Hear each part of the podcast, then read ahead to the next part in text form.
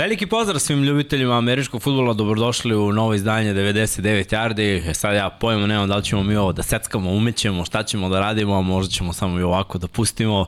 Svakako imam čast da odradim još jedan intervju, ovo je prvi intervju ove sezone, tako da mogu da kažem da predstavljamo jednu legendu američkog futbola na našim prostorima.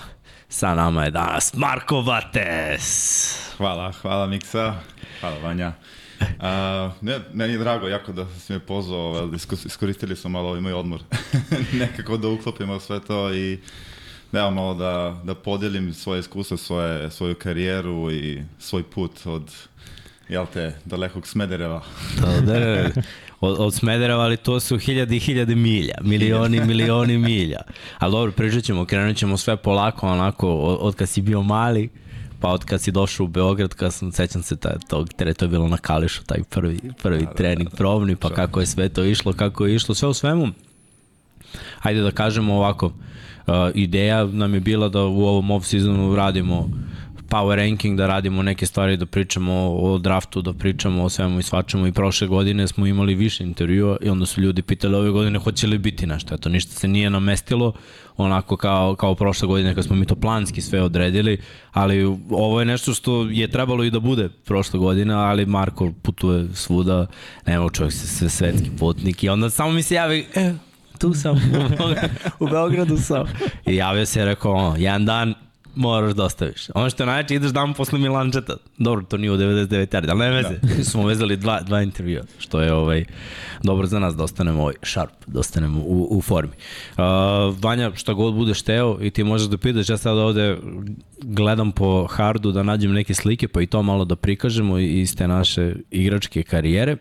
Ja sam došao ovde da uživam, da slušam, pa to. pre svega vaše priče, jedva čekam sve da čujem iskreno, već smo nešto pričali, ono, kad smo, do, pre nego smo krenuli da snimamo, tako, samo to, da se dublje uđe sve, tako, ono, kažeš li, došao sam da uživam i jedva čekam celu priču. Imaćeš, da imaćeš, brate, svašta i da čuješ. Zato što ovo ti je, znaš ono, kad, kad Football Live se pravi na, na, na NFL-u, obično, znaš, gledaju da, da pozovu ljudi koji imaju ne, neku priču. Njegova priča, ja koliko je to je ljudi prošlo kroz naš tim i koliko ljudi sam upoznao, niko nije išao tamo vamo i radio stvari koje je Bates uradio. Ali dobro, krenut ćemo od početka, ajde, reci nam kako, rekao si, Smedereva si, otkud u Smederevu, kako si došao uopšte do, do američkog futbola, ja znam ovde je bilo kao malo lakše, pa je bila ta utakmica na Obilićevom stadionu, pa je bilo malo na TV-u, pa ja gledam i rekao, ma, i basket, ovo je bolje, ajde, idem tamo. Kako si ti došao na ideju da, da, da počneš da treniraš? Pritom si malo i mlađi da, od mene. Da. Uh, pa ja sam trenirao košarku jedno, ne znam, da li 8-9 godina uh, pre, pre LT futbola. Uh, ne, naravno, ono, košarka i dalje je ljubav, uh, naravno, ali ja sam u tom nekom periodu, da sam imao 14-15 godina, neko sam skonto da neće biti ništa od toga. Ove, ovaj, sad, koja je situacija, sve tu, da ne zalazi možda čak i politika klubu Smederevu ili kako već bilo, Ove, ovaj, rešio sam u toj svojoj posljednjoj sezoni, na polo sezoni da, da ostavim futbol, da, pardon, uh, košarku. Um, ali to me neko, drugar komšija me je pitao da li sam zainteresovan za američki futbol. Ja sam rekao, ragbi? Misliš ragbi? Ne, američki futbol, dobro. Uh, da, on je onako, ajde, ubacio tu bubicu u glavu, hajde da probam, otko zna, jedino što znam da postoji quarterback i da je lopta, ono, jajasta. I rekao, pa hajde da probamo, rekao, na toj pola sezoni. I to je bilo u stvari, uh, ovaj, super tajming. Ja sam otišao na jedan trening, došao sam na trening, gledam tamo, to je bilo bez opreme. Uh, još uvijek to je bila sezona kad se igralo bez opreme. Uh, 2005. I um, da, ja sam došao tamo, pitao da me šta, šta želiš da igraš, rekao ne znam, ja znam samo šta je quarterback, uh, loptu da baci ne umem, ne, ne znam ni kako da držim ništa, o, dobro, kao šta si igrao, kao šta ti je bilo omiljeno u košaci, ja rekao, pa ne znam, ja sam igrao tad, bio sam, mislim, najniži, najniži centar ikad. Ali, ovaj, volao sam da se guram, ja skačem, tako da sam bio u fazonu dobro, mislim, meni je odbrana uvijek bila bila dominantna, tako da volio bi nešto možda u odbrani da probam i on je kao, dobro, možeš na cornerbacka. Važi. Važi, da. Kore, šta? Da, šta trebam da radim, ništa. Rekao, prati ovi igrače, juri tamo sa njima, ne da im uhvate loptu. Tako da, to je bio prvi trening koji sam radio. Ove, i u tom, aj sad, uh, domin, to je ono, bogu iza nogu, ono, trčiš po, bukvalno kao po betonu, da, ono, nema trave, nema ničega. I sutradan je bila uh, prijateljska utakmica protiv Požareca, i nisam imao dres, nisam imao ništa. Još uvijek ja ne znam pravila, nemam. Blagi vede šta se dešava, ne znam kako, kako vide tok utakmice, ali oni kao ništa dođi, možda odigraš malo, rekao vaši. Našao sam neki, neku naranđastu majicu, uzeo sam sprej i kao, ajde neću 14, pošto to je moj broj, nosio sam to na košarci, ajde kao da promenim 41, pa sam napisao 41 našao neke kopačke, gumu za zube, imao sam rukavice golmanske neke, to su mi bile, ovaj, mislim da Prvo. to još uvijek, to još uvijek čuvam negde. Samo što te golmanske rukavice sad isečene, nemaju, nemaju vrhove. Ove, ovaj, I kao odigrao tu utakmicu, da sam odigrao možda jedno 5-6 pleva. Ove, ne znam šta sam radio tamo, ali to je bilo ono ljubav na prvi pogled. I posle toga nije bilo jedno, pa možda 4-5 meseci nije bilo nikakvih treninga, je bilo je hladno, U tom periodu sam malo trenirao veslanje, čisto kao forma i da, da ne, ne ispane mi što I, mislim, nisam ni znao, znao i dalje da li bih to želeo da radim, jako mi se jako svidelo i kad je početa 2006. Ovaj, nova sezona, onda sam momentalno otišao ovaj, na trening i da, odigrao još jednu sezonu bez opreme. To je bilo zanimljivo. Da. Da, ajde, ajde da, ovaj, da ispričaš o tom, ja se sećam, znači mi smo bili, ja još uvijek nisam bio u prvom timu, to je bila 2006, Hoffman je bio trener, znači sigurno je bilo 2006, pre nego da. što je ovaj Aleksandar Hadži Pavlović došao. I bilo je try out za nas mlađe, kao da vide, da vide oni, jer oprema stigla, pa da oni vide kogu mogu da priključe eventualno prvom timu ili da se pravi B tim, pa da može i B tim da se takmiči tipa u Srbiji, da se ubace momci da igraju protiv nekih slabih. I ovaj, mi sad ono na testiranju, mislim, mi smo već trenirali kao B tim godinu dana tad i pojavljuju se četiri momke iz Smedera. Jedan skače, jedan leti, ono trči, brate. Ja mislim da je imao 4-2. Plavi neki dečko bio. Da, da, da, da, on je atletičar, ali ne mogu se tačno Burazer, da, Burazer da, da. nas je, mislim, u to vreme sam ja bio brz, a Burazer je bio Jonas. solidno, solidno brži, razumeš? I ono, ja rekao, dobro, znači mora Remiš sklekao, kao naš nešto mora, i pojavljuje se, tad sam prvi put video Bejca i rekao, okej, okay. zanimljivo rekao vidjet ćemo, znaš, ja sam isto, to je to, ovi momci nam se pridružuju i znaš, nas je bilo, u prvom timu je bilo oko 40 ljudi, nisu svi baš bili spremni, to je bilo ono, ko je bio prvi tu, on je bio u prvom timu, dobio opremu i ovaj, B tim je imao dosta mladih, mislim, mi smo svi bili klinci, manje više, šta smo imali, 17-18 godina, u, u principu 19 najviše, I, a ti si još mlađi, znači ti tri godine još manje. Znači, ja rekao, ako ovaj sa 16, Ako oni se budu priključili i budu napredovali za godinu, dve, brate, taj B tim. Mislim, mi smo imali neku, neki trip da taj B tim u stvari može da, da, da igra neku ligu, domaću ligu i baš smo, baš smo želeli da prihvatamo bukvalno sve sa strane i u glavi ti, znaš, mi, koliko smo bili zaluđeni u to vreme, ja se sećam Maldini ja, mi smo kod kuće uzmemo meden, napravimo tim Vuko i onda pravimo sve nas. razumeš? Kao, pravimo bediju, farbamo dresove, imamo svoj stadion, razumeš? Kad praviš igrače po ono, nadnici i sve, i igramo se, misliš, šta, bili smo deca. Ali je bilo cool, ono, baš smo, baš smo se nekako primili, ne znam kako je bilo tebi, da li je, jer ja sam isto došao s košarke prvi put, šta bi igrao? Ono, ne znam, trčim, skačem, hvatam, mislim, ono, kao iz basketa stani tamo s polja, trči 10 koraka pa unutra, ono, 3 koraka pa po 45, jo, dobro, nemam pojma šta se dešava. I da lopta sad mi neobično, znaš, ne mogu da je uhvatim jer jaja staje manje i to je trajalo i trajalo i trajalo, ali sam se nekako primio, baš sam se primio na sport. Nije mi bilo, I opet ta neka timska hemija, to je u stvari bilo. Evo ti možeš da kažeš kako je bilo u Smederovi, onda si posle došao ovde, kako ti je bilo ovde, kako te je ekipa prihvatila. Ja mislim da, ovo, da u ovom sportu što imaš kao u slačionicu, da to nema nigde. Znači bio sam, ono, trenirao sam košarku i bio sam u, u tri tima. Bila je dobra kemija, zezali smo se, ali ništa ni približno kao što je bilo ovde u američkom futbolu. Jer nekako kroz sve te treninge koliko nas ima, kroz svu tu zezanciju, eventualno putovanje, to ako se desi, pff, Znači, toliko ludi glava na jedno mesto, vi morate da postanete najbolji drugari, bukvalno.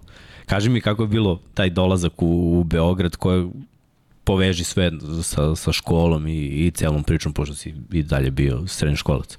Da. Um, je dolazak za, za taj tryout uh, u kojem je bio ja nisam ni znao za to to vreme, eto, sad kad, kad vratiš film je jako smešno, ja nisam ni zna, nisam umeo da koristim internet. To je bio onaj dial-up. No. To, ovaj, to jedino, jedino je tata znao kako se to radi i to ono, skini telefona, znaš, ovaj, treba mi. Uh, nema blage veze, kakav research, nešto, ne, nije postojalo to. Uh, I taj isti komšija koji me zvao na futbol je rekao, je, pa kao, Vukovi pravi tryout, kao, trebalo bi da probaš. Rekao, pa dobro, kako? Ništa, prijavit ćete ja. I prijavim i javim mi kad šta kako, ovaj, tu je isto bilo, ah, treba nagovoriti ovaj, svoje da, da je to okej. Okay. Da, pa da. idem tamo da se bijem s ljudima i da lomim glave i tako to. Ovaj, uglavnom svoju glavu, jel te? To je bio njihov problem. Ali ovaj, dopustili su mi, mislim da su prepoznali da, da stvarno volim sport i da, da, da vidim nešto tu. Tako da, uh, da, došao, ja, on dolazim u Beograd, to je bilo, ne znam, ono, za mene sa šta god, ono, New York, ono, totalno nepoznato. Bio sam par puta, ono, samo u Beogradu pre toga i uh, već biti u Beogradu mi je bilo, ah, već neka trema. Pa da. da, već je trema, da. Tako da sećam se ovaj prelaska preko Kalemegdana, pa spuštanje dole do terena. Ove, ne, mislim da je svaki, svaki, ne znam koliko smo imali, smo imali no, par nedelja treninga. Da. Da, nije da. to bilo, nije to bio jedan tryout mm -hmm. ili dva treninga ili tako nešto. Pritom je cela trial. priča tada bila gotiva, znaš ti počinjao sa sportom, oprema je tek stigla, mi izloženi, a dole smo na livadi bre ispod. Ti kad se kod kad si kod pobednika dole, da da, mm -hmm. ti gledaš dole onu srednju livadu ljudi šetaju pse, znaš ono play gledaju koji su obudale, bukvalno, znaš ti pogledaš šta rade, ovi šta se makljaju, i onda znaš neko priđe kao to je, znaš, kao američki futbol, kao ja tu gledam na trećem kanalu, i onda stane, stane, pa znaš, neko se raspita ovo, ono, a mi ovako, znaš, kao, Šta, gledaju, gledaju nas, znaš, svi stanu da gledaju, jer to puca, brate. Mi ono željni jer smo se tukli bez opreme, mi smo se tukli godinama bez opreme. Znači sad kad si dobio opremu, sve ide mnogo lakše, lakše ti da čukneš, ne, ne boli ništa, manje više samo puca, ali Concussion Adams, kacige i... Da, da, da, Concussion 2000, da. A čekaj, kao ti, jel si išao konstantno Smederevo Beograd ili si ostao u Beogradu tih koliko, dve nedelje dok su trajali te treninze? Ove, da, to je bilo leto. Ove, uglavnom sam išao nazad u Smederevo ili sam bio kod, uh, kod svojih rođaka. Tako mm -hmm. da sve zavisi, iskreno ti kažem, ne se najbolje. Mnogo je posle vremena isto prošlo među to, no, što tiče putovanja, jedno tri i po godine sam putovao non stop, tako da se ne sećam najbolje, ali verovatno sam bio dosta kod rođaka, malo se vraća za Smederevo, ove, tako da, sa, mislim, mislim da je to najviše bilo finansijski šta se isplati da li ovaj, plaćati kartu svaki put i ovaj, što je u to vreme bilo jako skupo, u stvari, da se, da se izdvoji. Da, da ali ceo taj tryout, to je samo da, da mi nešto ponude. Samo nekako da ostane, ostanem i to je se nekako bilo, najteže mi je bilo ovaj, eh, kad je došlo do, do teklovanja. Jer mene je Dime upropastio. Da, da. Dime je bio linebacker, inače Dime koji je isto trenirao veslanje, onako baš je bio čabi. I on se vrlo brzo pronašao u tome da uništi čoveka. Znaš, zaleti se pun sprint, spusti glavu kao bizon i pro, prođe kroz tebe. Da, da. Ovaj mali može. A tipa, Dime u tom trenutku 100 kila, mi, bože, pomozi 80, ako smo imali. Ali ja nisam imao 70. Znači, ono, mršavci, brate, žilice i u tom duelu ti nema šta da tražiš. Mislim, a kao ne fintiramo, jer ako ne može da, ako ne smeš da te udari, ne, znaš, ne smeš, plašiš se da, mislim, dobro, neka me udari. udari ti, polomi ti, to je to, idemo dalje, sledeći da, da, play. To je, to je bilo, ajmo na Oklahoma, mm. i izvoli, to je samo, kreneš se, otvoriš se, dime, ne, on ne, ne ide levo, baš ne ide levo, on te namjerno centrira, on te centrira i sravno te dole. Ali, ovaj, da, tako da, bilo je zanimljivo. Ovaj, tako da, mislim da mi je tu bio najveći strah, da li zbog tog kontakta, ovaj, ja se ne sjećam ni koliko smo mi dobili ove, informacije o tome šta je pravilno kod, kod obaranja, odavno je to bilo, koliko to sad ima godina čoveče. informacija nula. Da, ali... Ovaj... Digni glavu i to je to. Mm. Znaš kako, posle kad pogledaš kad smo mi radili kao treneri sa, sa klincima, koliko ti bojažljivo uđeš u sve to, da ih pripremiš, koliko je pri, prvo priča, pa mi prvo radimo teklovanje sa pilates loptom da ih naučimo, pa ide sa damijem, pa ide sa džakom. Znaš, sve teže i teže i teže da ih naučiš kako pravilno da uđu, kako da padnu, vežbamo padanje. Mi ništa nismo vežbali. Naš drill za zagrevanje je bio, otprilike trener te drži ovako jednog i drugog rukama.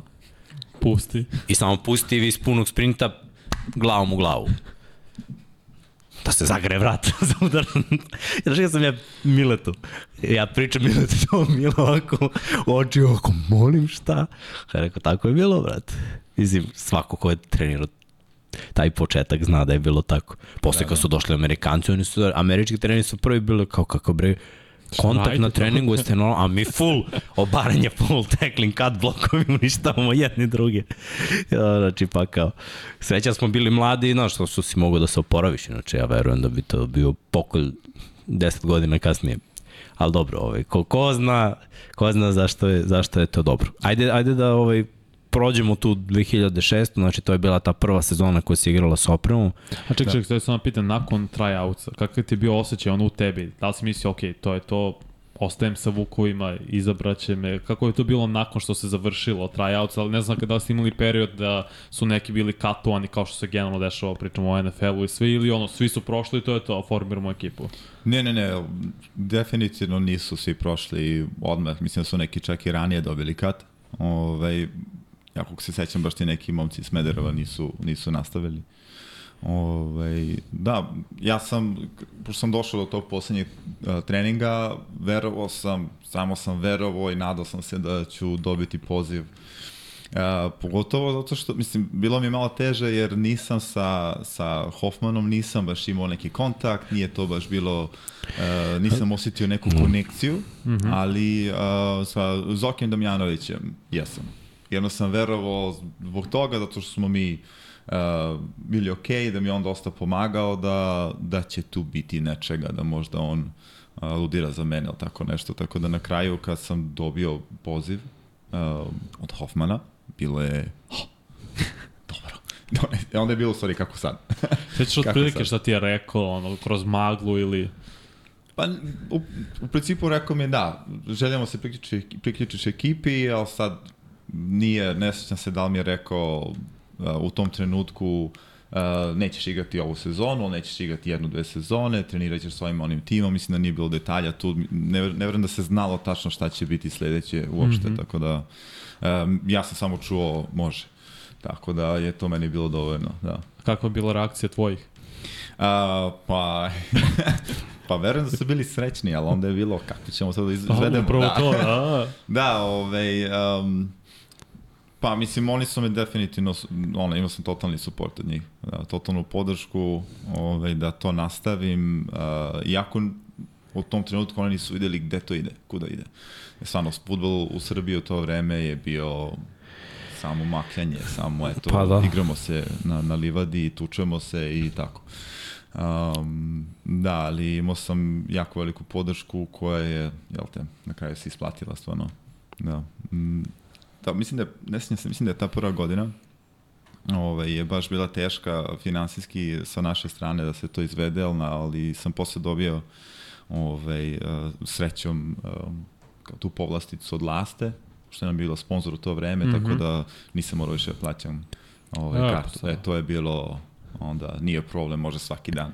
Znači, koliko, koliko nam je Lasta značila tih da, godina, da. jer naš, jako je bio tek početak, jako je sve bilo pionirski, mi smo zapravo već od druge godine igrali neke evropske utakmice i gde god da si išao, gde god da si putovao. Znaš, mi nismo imali taj problem, ostali timovi jesu, ali naš, nas čeka double decker sa klimicom, razumeš, i imamo ono mesta i pritom si ti mogao, znači imao da. si propusnicu da možeš da ideš kući i sve to i to je dosta značilo. Jer trebalo vremena da dođe do nekog nivoa da klub kaže, ok, ima više momaka koji nisu iz Beograda, ajde da uzmemo stan ili malo veći stan, kuću, šta god, da, da mm -hmm. oni mogu da budu smešteni tu negde blizu Ade i, i da možemo da ovaj, cirkulišemo trenom. To je u stvari sve bio ono upgrade da. ka nečemu. I, mislim, ali stvarno se razvijalo. Pritom smo se i mi razvijali uh, kao igrači od te prve sezone. Mislim, stvarno je bilo makljenje. Ja kažem, prvi put kad smo imali neki osjećaj neki kao skill da napredujemo, da razvijamo svoje talente bio tek kad je Jordan došao. Da. Kad su do, došli Jordan i Will, oni su bili igrači treneri, nismo imali klasičnog mm -hmm. trenera, već smo doveli momka koji je igrao kotrbeka i, i hvatača i drugog momka koji je igrao linebackera, running backa, defanzivnu liniju, šta god treba.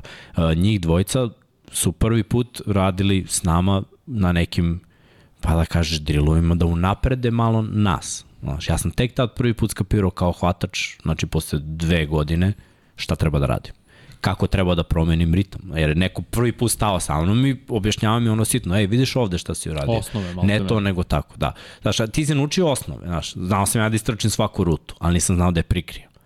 Jer sam, znaš, baš i, i to objašnjava mojim klincima, oni danas kada im objasniš, oni ono, slant, tri koraka po 45, oni bukvalno tri koraka po 45.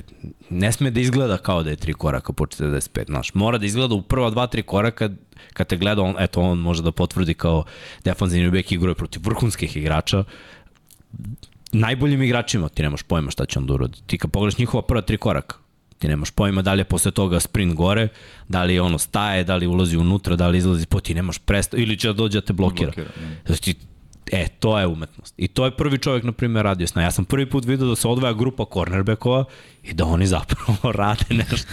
Ja razumiješ, jer na treningu je op, ono, online, ovamo defensivna linija, hvatači, hvala tamo cornerbackovi, kao, trčkajte kao odbijajte, ono što ne znam, bukvalno smo bili pušteni slance, zato nije ni moglo da dođe. Kad je usledila promena sa Donja Kalemegdana na Adu? A, ta promena je zapravo došla a, 2006. u zimu, znači kraj 2006. godine, mi smo tada bili kod Zorana Damjanovića, to nam je bio trener, on je bio pre kapitan uh, ove prve generacije odmah posle te jedne sezone sa opremom on se povukao, odlučio da bude trener da radi sa, mm -hmm. sa klincima i uzeo je sve nas kao B tim.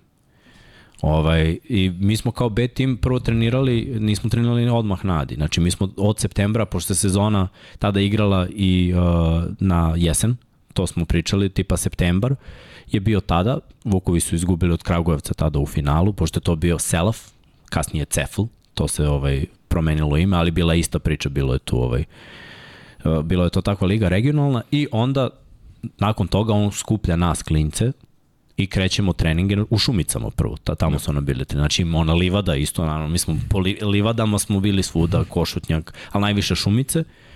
I onda odjednom pojavljaju se Ada Cigalnija, napravili novi teren. Prelazite tu.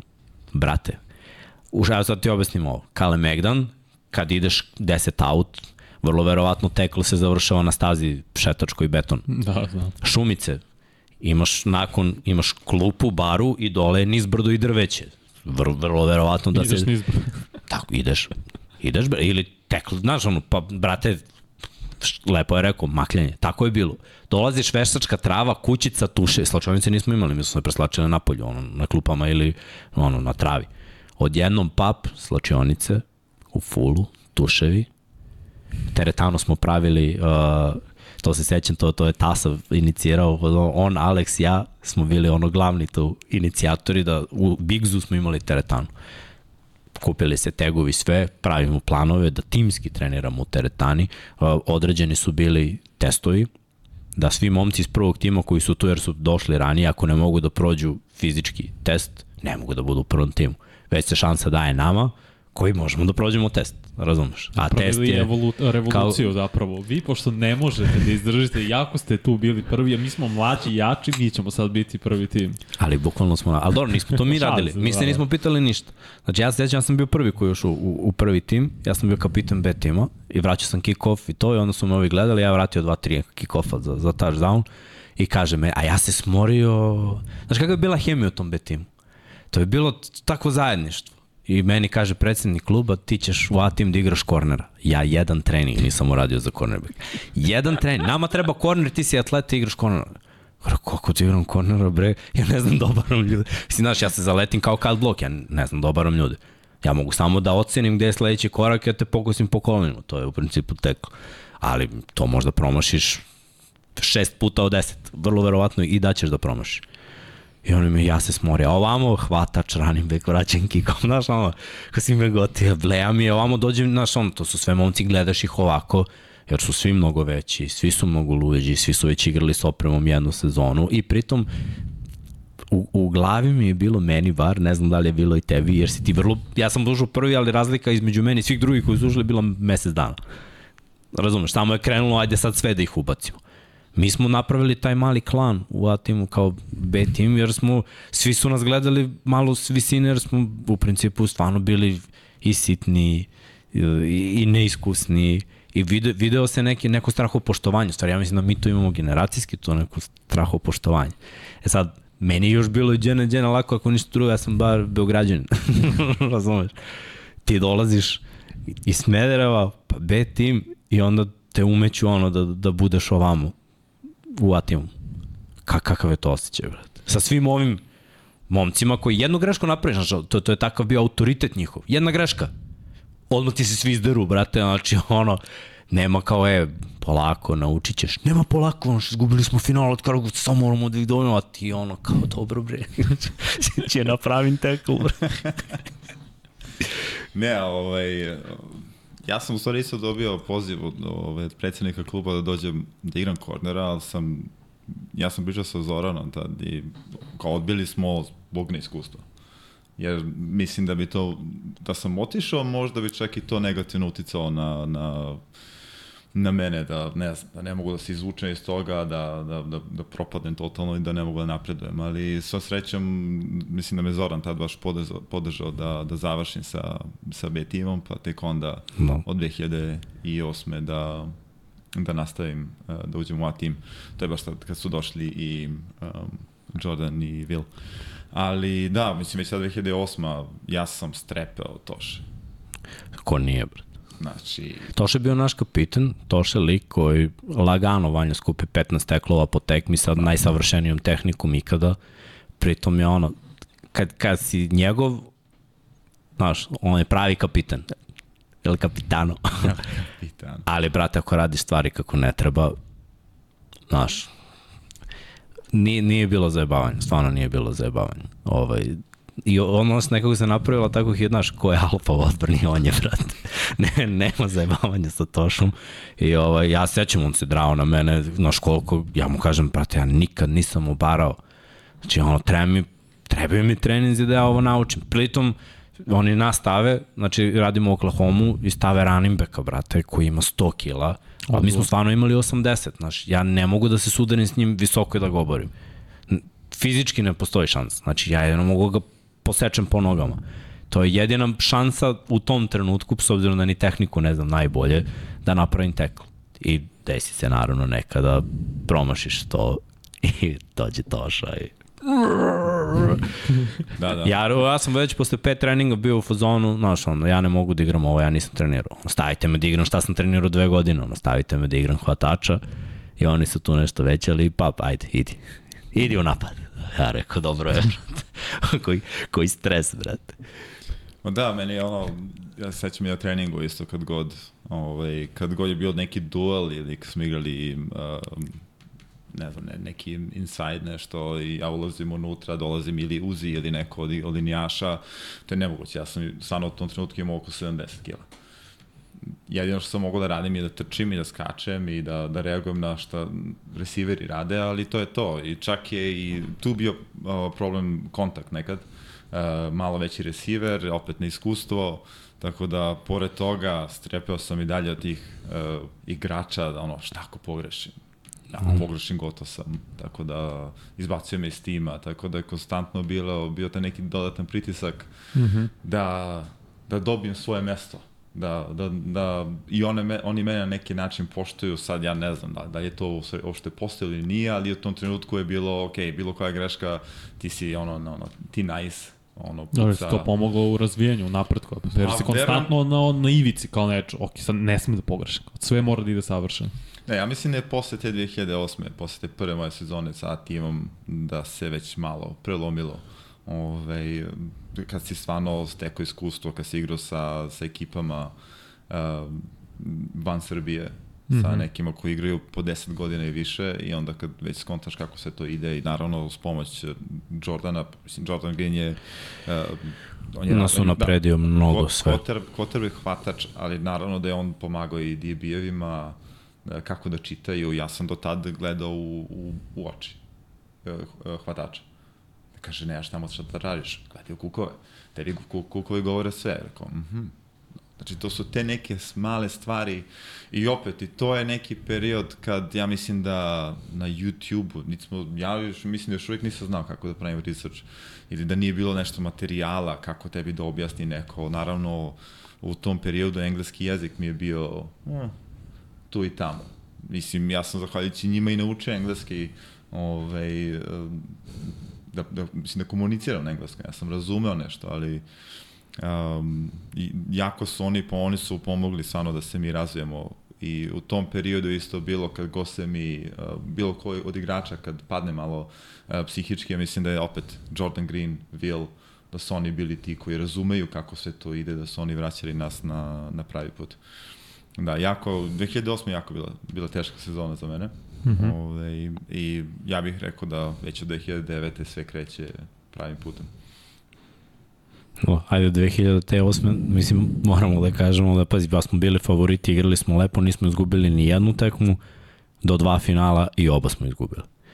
Znači, izgubili smo prvo, uh, prvo je bilo finale domaće lige da. u Kragujevcu, to smo izgubili od njih i da sledeće utakmice idemo u Beč, igramo protiv uh, gladijatora tada da. i ovaj Dobro, te godine smo probali taj eksperiment sa našim quarterbackom mm -hmm.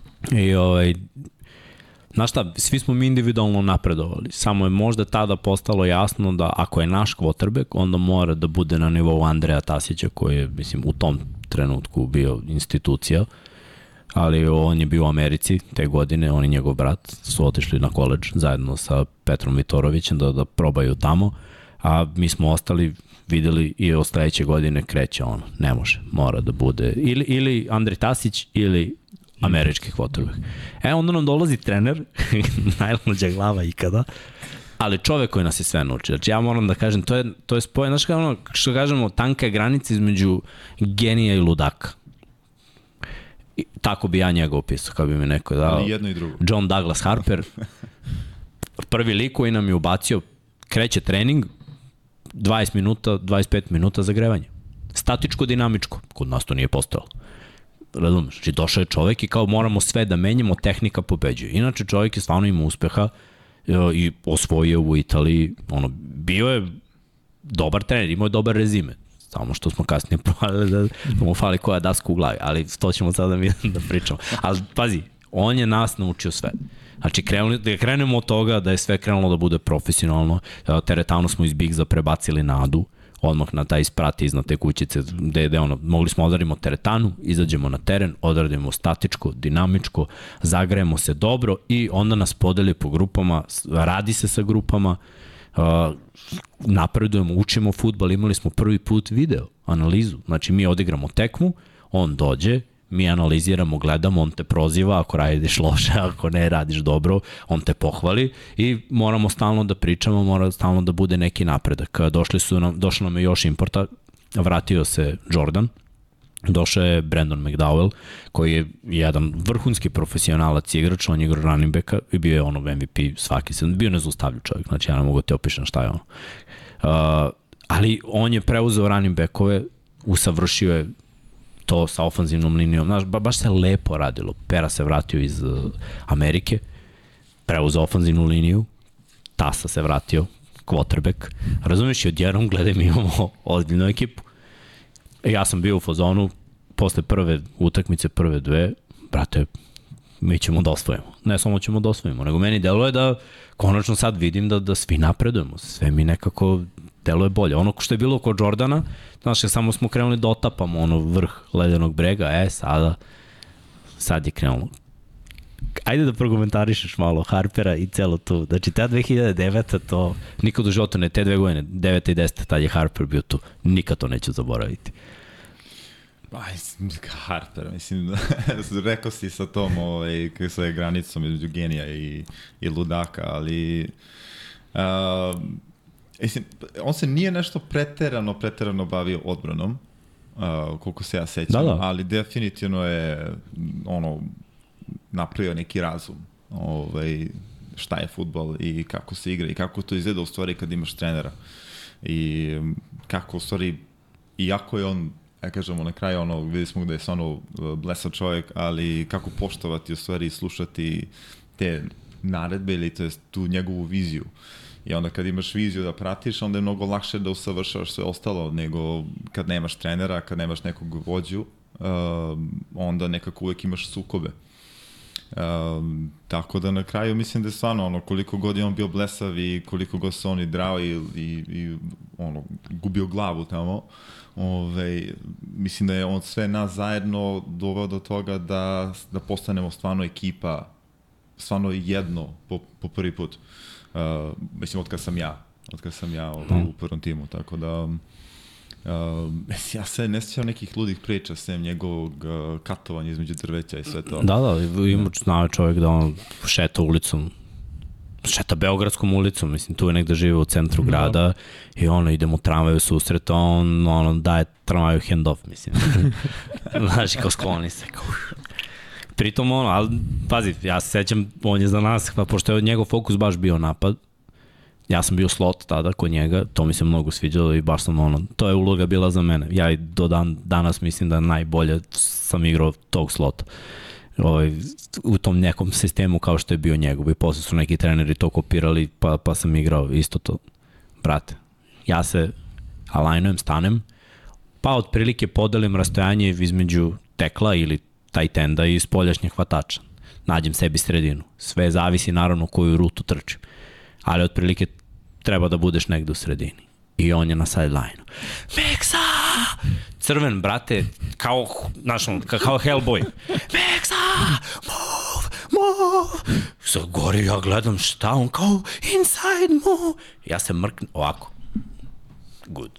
I zaliže kosa. kao, rekao šta je, zovem ono kao, Mislim, prvi korak bi mi svakako bio unutra, razumeš, da malo džidnem, ali rekao, koliko je on, brate, u svojoj glavi že, e, mislio da mi nismo tehnički dobri, da on želi milimetar. Do detalja. Da. Do detalja, brate. I to je zahtevao. Ono. Ali pazi, imali smo onu prvu tekmu, tada dolaze nam uh, Blue... Uh, Cineplex, Blue Devils. Blue Devils nam dolaze. Quarterback 2 metra, Amerikanac, baca 60 yardi iz globa. Ne mogu ti opišem šta je on. Da, bro, ne mogu ti opišem šta je on. Znači, onako quarterback jednom da sam imao, ono je ludilo, brate. On, be, ono, effortless, razumiješ? Iz globa 60. Dva hvatača, jedan ima naj, ima ovako dole risk ko ja. Mm -hmm. Ovo dole, ko, ko skočnom zgloba. List oliki. I onda koleno leti, brat. Leti, da, ne možeš ga čuvaš. A metar 70. Da. Oni trče samo fejdove. To je njihov playbook. ne, nezaustavljivo. Znači, dva burazera, cepaju sa strane, jedan kroz sredinu i ovaj kotrbe kome ne možeš ništa, ne može ga sekuješ, razumeš, jake, dok ga držiš može da baci isto 20-30 yardi. Mi igramo produžetke s njima u NCAA, produžetci se igraju, ono, mi napad, vi napad, Tako mi je. napad, vi napad. I sve vreme je bilo, mi touchdown extra point, oni touchdown extra point i na kraju krenu oni za dva. Prc, ne smo ništa, mi dobijemo. U tom trenutku smo skapirali da svo to maltretiranje i Harperu i taj tim koji se stvarao i sve te pobede protiv drugih timova, da je sve to nekako došlo na svoje i ja bih rekao tad kreće u stvari priča koja je posle trajala godinom, ali ta, tad je nekako bilo ok, mi smo dobri u ovome i, i može da se desi ovaj, baš da, da, da napravimo neku čudu. Stvarno, nam, stvarno nas je unapredio. Na kraju te sezone mi smo tu osvojili, naravno, i, i Ceful i, i domaću ligu. I onda smo ovaj, igrali sledeće godine pripremnu protiv uh, Danube Dragonsa, koji su tada bili vrh austrijskog futbola. Znači, Vienna Vikings i Danube Dragons u tom trenutku, brate, Znaš ko je to nivo? Mi igramo egal tekmu s njima. E, tu smo skopirali, valjda, da daš ono. Ok, tada je Evropa, mislim, ja se sećam na kraju utakmice, svi su nam prišli, bili u fazonu, momci, mi ovo nismo očekivali od vas. E, tad sam ja skapirao da smo, da smo mi napredovali. I tačno si video, znaš, on je dosta napredovao, video si da će, o, to je starter, I tačno si vidio sve, sve na te momke iz B tima koji polako preuzimaju, postaju starteri, a opet vođe su ovi koji su bili pre najbolji igrači koji su od samog početka tu. E, to je uspeo Harper da uradi, da nas sve spoji, da, da budemo jedan tim i onako malo po malo nije se tad još uvek razmišljalo od odlasku, da neko ide preko. Znači, bilo je ovi što su otišli na koleđ, ali oni su baš bili nekoliko stepenica iznad nas. Ali mislim da smo tad bili u fazonu, igramo i dalje osvemu. Uh, ti si tad baš bio mlad. Ti si mogao da razmišljaš o tome. Mislim, za nas neki već prošao voz. Nije, to je već, to je, ja sam već imao neku priliku ovaj, da idem na tu poslednju godinu high schoola. Ovaj, ne mogu svetim kako se zvala ta kompanija ovaj, za što je pomagala, to je agencija što je pomagala nama da idemo preko. Ovaj, I u stvari bilo sve, sve je bilo određeno manje više. To je jako za mene tužna priča bila. Mm. Ovaj, to je bilo kao trebalo da idemo u Virginiju, Lynchburg, na high school, uh, poslao sam sve, oni su bili zadovoljni, ali je bio paket. Uh, ja sam išao kao paketu. Tako da ja mogu da idem samo ako neki linijaš prođe. Ove, u tom trenutku ovaj, taj momak što je aplicirao, ne znam kakav god odgovor, nije dobio pozitivan odgovor, tako sam ja ostao, ostao sam ja u Srbiji.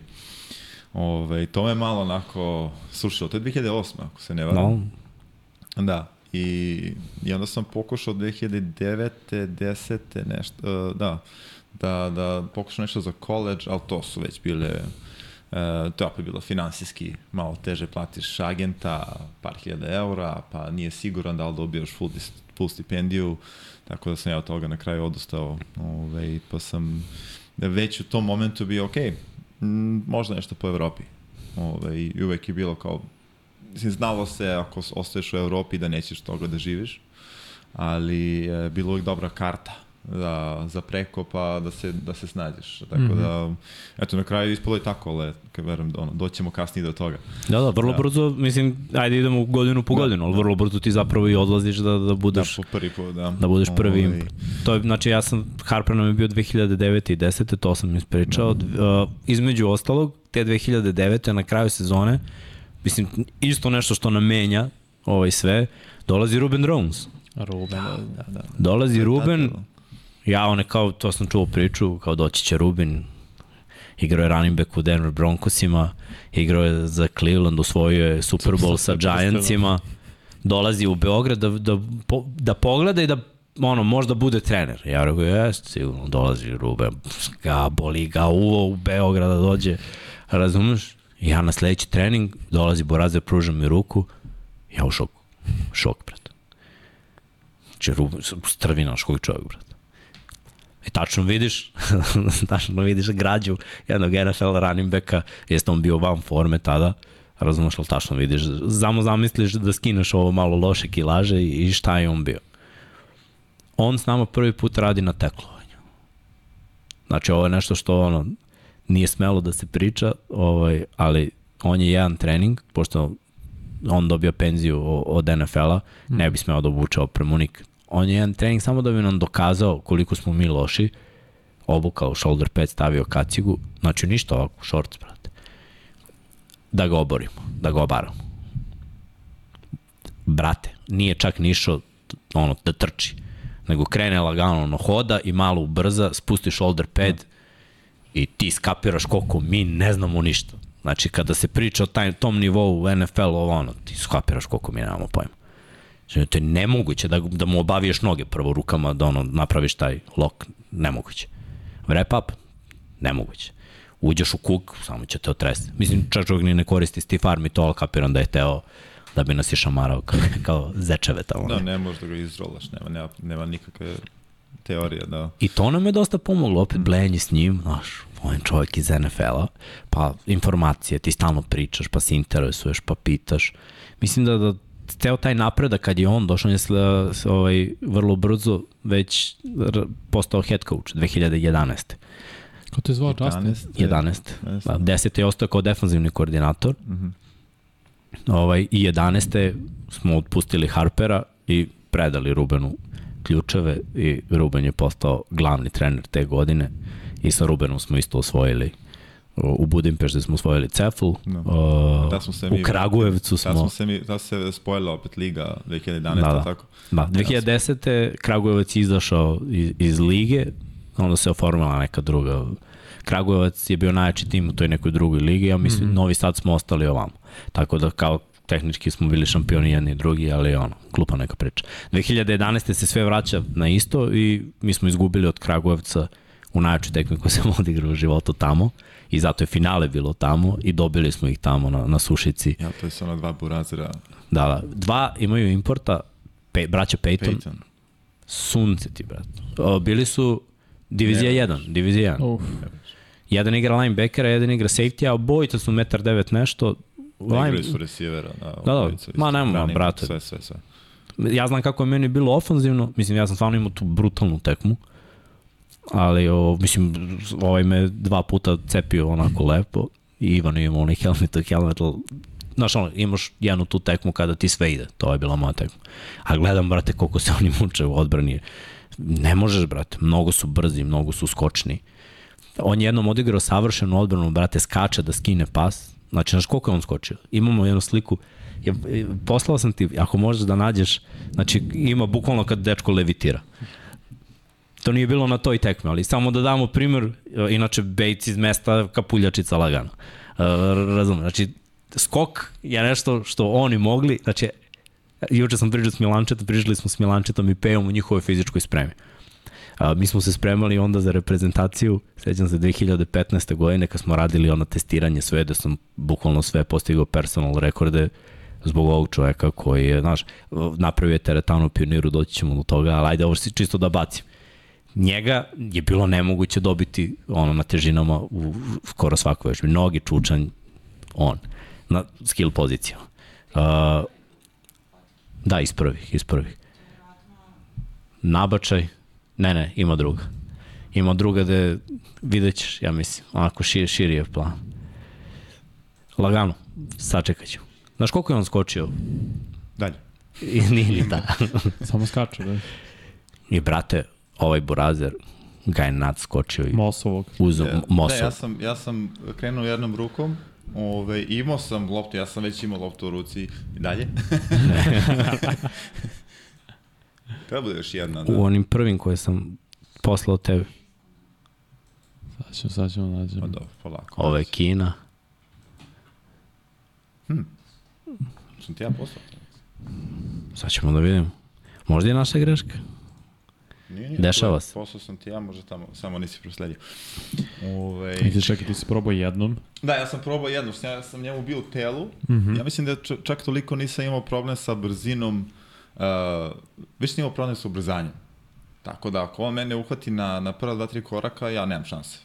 Znači tu smo slične brzine, tako da je, tako da je to bio problem ako me on uhvati na ta dva, tri koraka. Dakle sam ja uvijek imao, ja sam našao neku tehniku da malo stojim pozadi, lakše mi da on uhvati loptu ispred mene i onda imam pomoć sa unutrašnje strane da, da držim ga na unutra. Nisi odmah igrao pres, već si bio par koraka. Pa da, malo iza, ipak ono, i, mm -hmm. neverovatno, krupan, obojica su bili jako, jaki, jako jaki. 100 kila, brate, lagano. Da, da, da. Ako, I, ako ne i malo jače.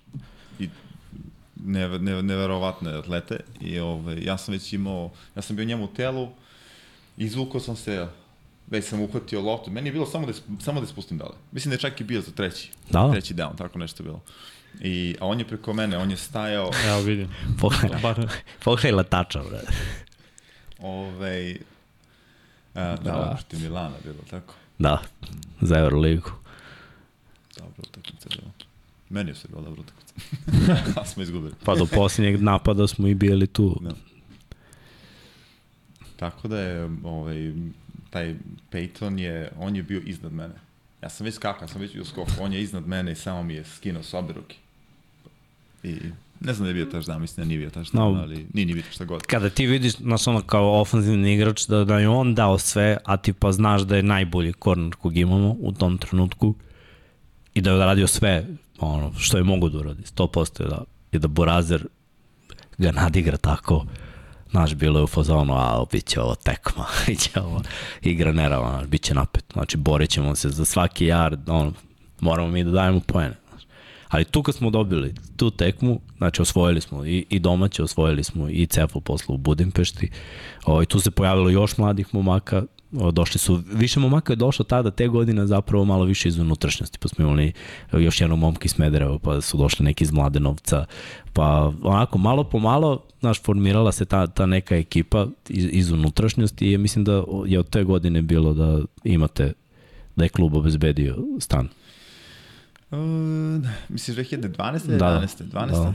12. nisam bio tu. Ti nisi bio tu, da. Ali ne, ne sećam se iskreno. 12. godina je u stvari posebno za, za njega, jer on odlučuje dečko da ode, da bude prvi put import.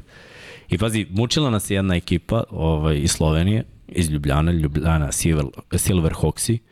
Oni su isto imali uvek po ono jednog dvojicu Amerikanaca. Našli su jednog running backa, ja pokušavam da nađem komparaciju idealnu u NFL-u. Što lik nestaje... Za, kao... Na njega? Da. Koga sam mislio? Mislim na ovog što je vuko sve po 5 yardi. A da, Bow. Uh... Ne mogu sam kako se prezio. Po, zvali se kako, ne sjećam se kako se. Boraze, znaš, uhvati, uhvatiš ga gore, jedan, drugi, treći, ovaj za noge i on još 2 yarda napred i onda padne. Kao znači, čab. kao, pa na primjer sad kao čab. Kao čab, ali građa Edrijana Petersona. Da, ono. da, da, da. Možda čak on, lik, cheat kod. Za naše prostore Ne, ja ne znam kako su oni došli do njega ili šta je to bilo, ali je bilo okay, ovaj, lik će, ovaj lik će da pravi pravi. I onda, naravno, izdajica. Šali se, ne. Uh, ajde ispričaj celu priču. Kako, brate, tamo? Zašto tamo?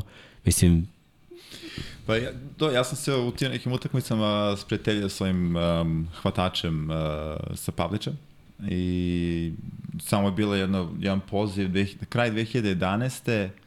Uh, tamo oktober da igram turnir neki u Italiji um, za, za, za Ljubljanu. Mm -hmm. Da, i rekao, pa ajde, rekao, što ne, mislim, da probam ja malo kako je to vani, nisam ni bio u Sloveniji do tad, uh, mislim da provede neko vreme. Uh, odigrao tu utakmicu, u stvari fantastično sam odigrao, ove, ovaj, i oni su me pozvali, pitali su me posle možda mesec, dva, da li bih igrao u Sloveniji, tako da je bilo malo razmišljenje kako, zašto, um, i studije i, i sve pored toga. Ove, ovaj, I bio je neki dogovor da, da, da ja ostanem tamo par sezona, da oni meni plaćaju studije, pošto to je jedina bila opcija. Mm -hmm. I ovaj, ja da radim neki posao pored, pored futbola. I, ali to je problem što mene, to je bilo što je bio dogovor. Nije bilo potpisano ništa, tako da to je već, ovaj, tu može svašta se desi, da. Ali svakako odlazim u Sloveniju, to je mislim 2012. februar, uh, možda to neki period. Ovaj, I uh, iskreno da kažem, ta hemija koju su oni imali tamo, to jest koju smo mi imali tamo, je stvarno bila, stvarno bila posebno nešto. Um, ja mislim da je jedan problem, problem je u Beogradu bio, ne znam, ne kažem samo u Vukovima, ali generalno u Beogradu, čim imaš malo veći grad i ljudi su iz različitih, različitih delova grada, mm -hmm. to se više pravi, prave se grupe.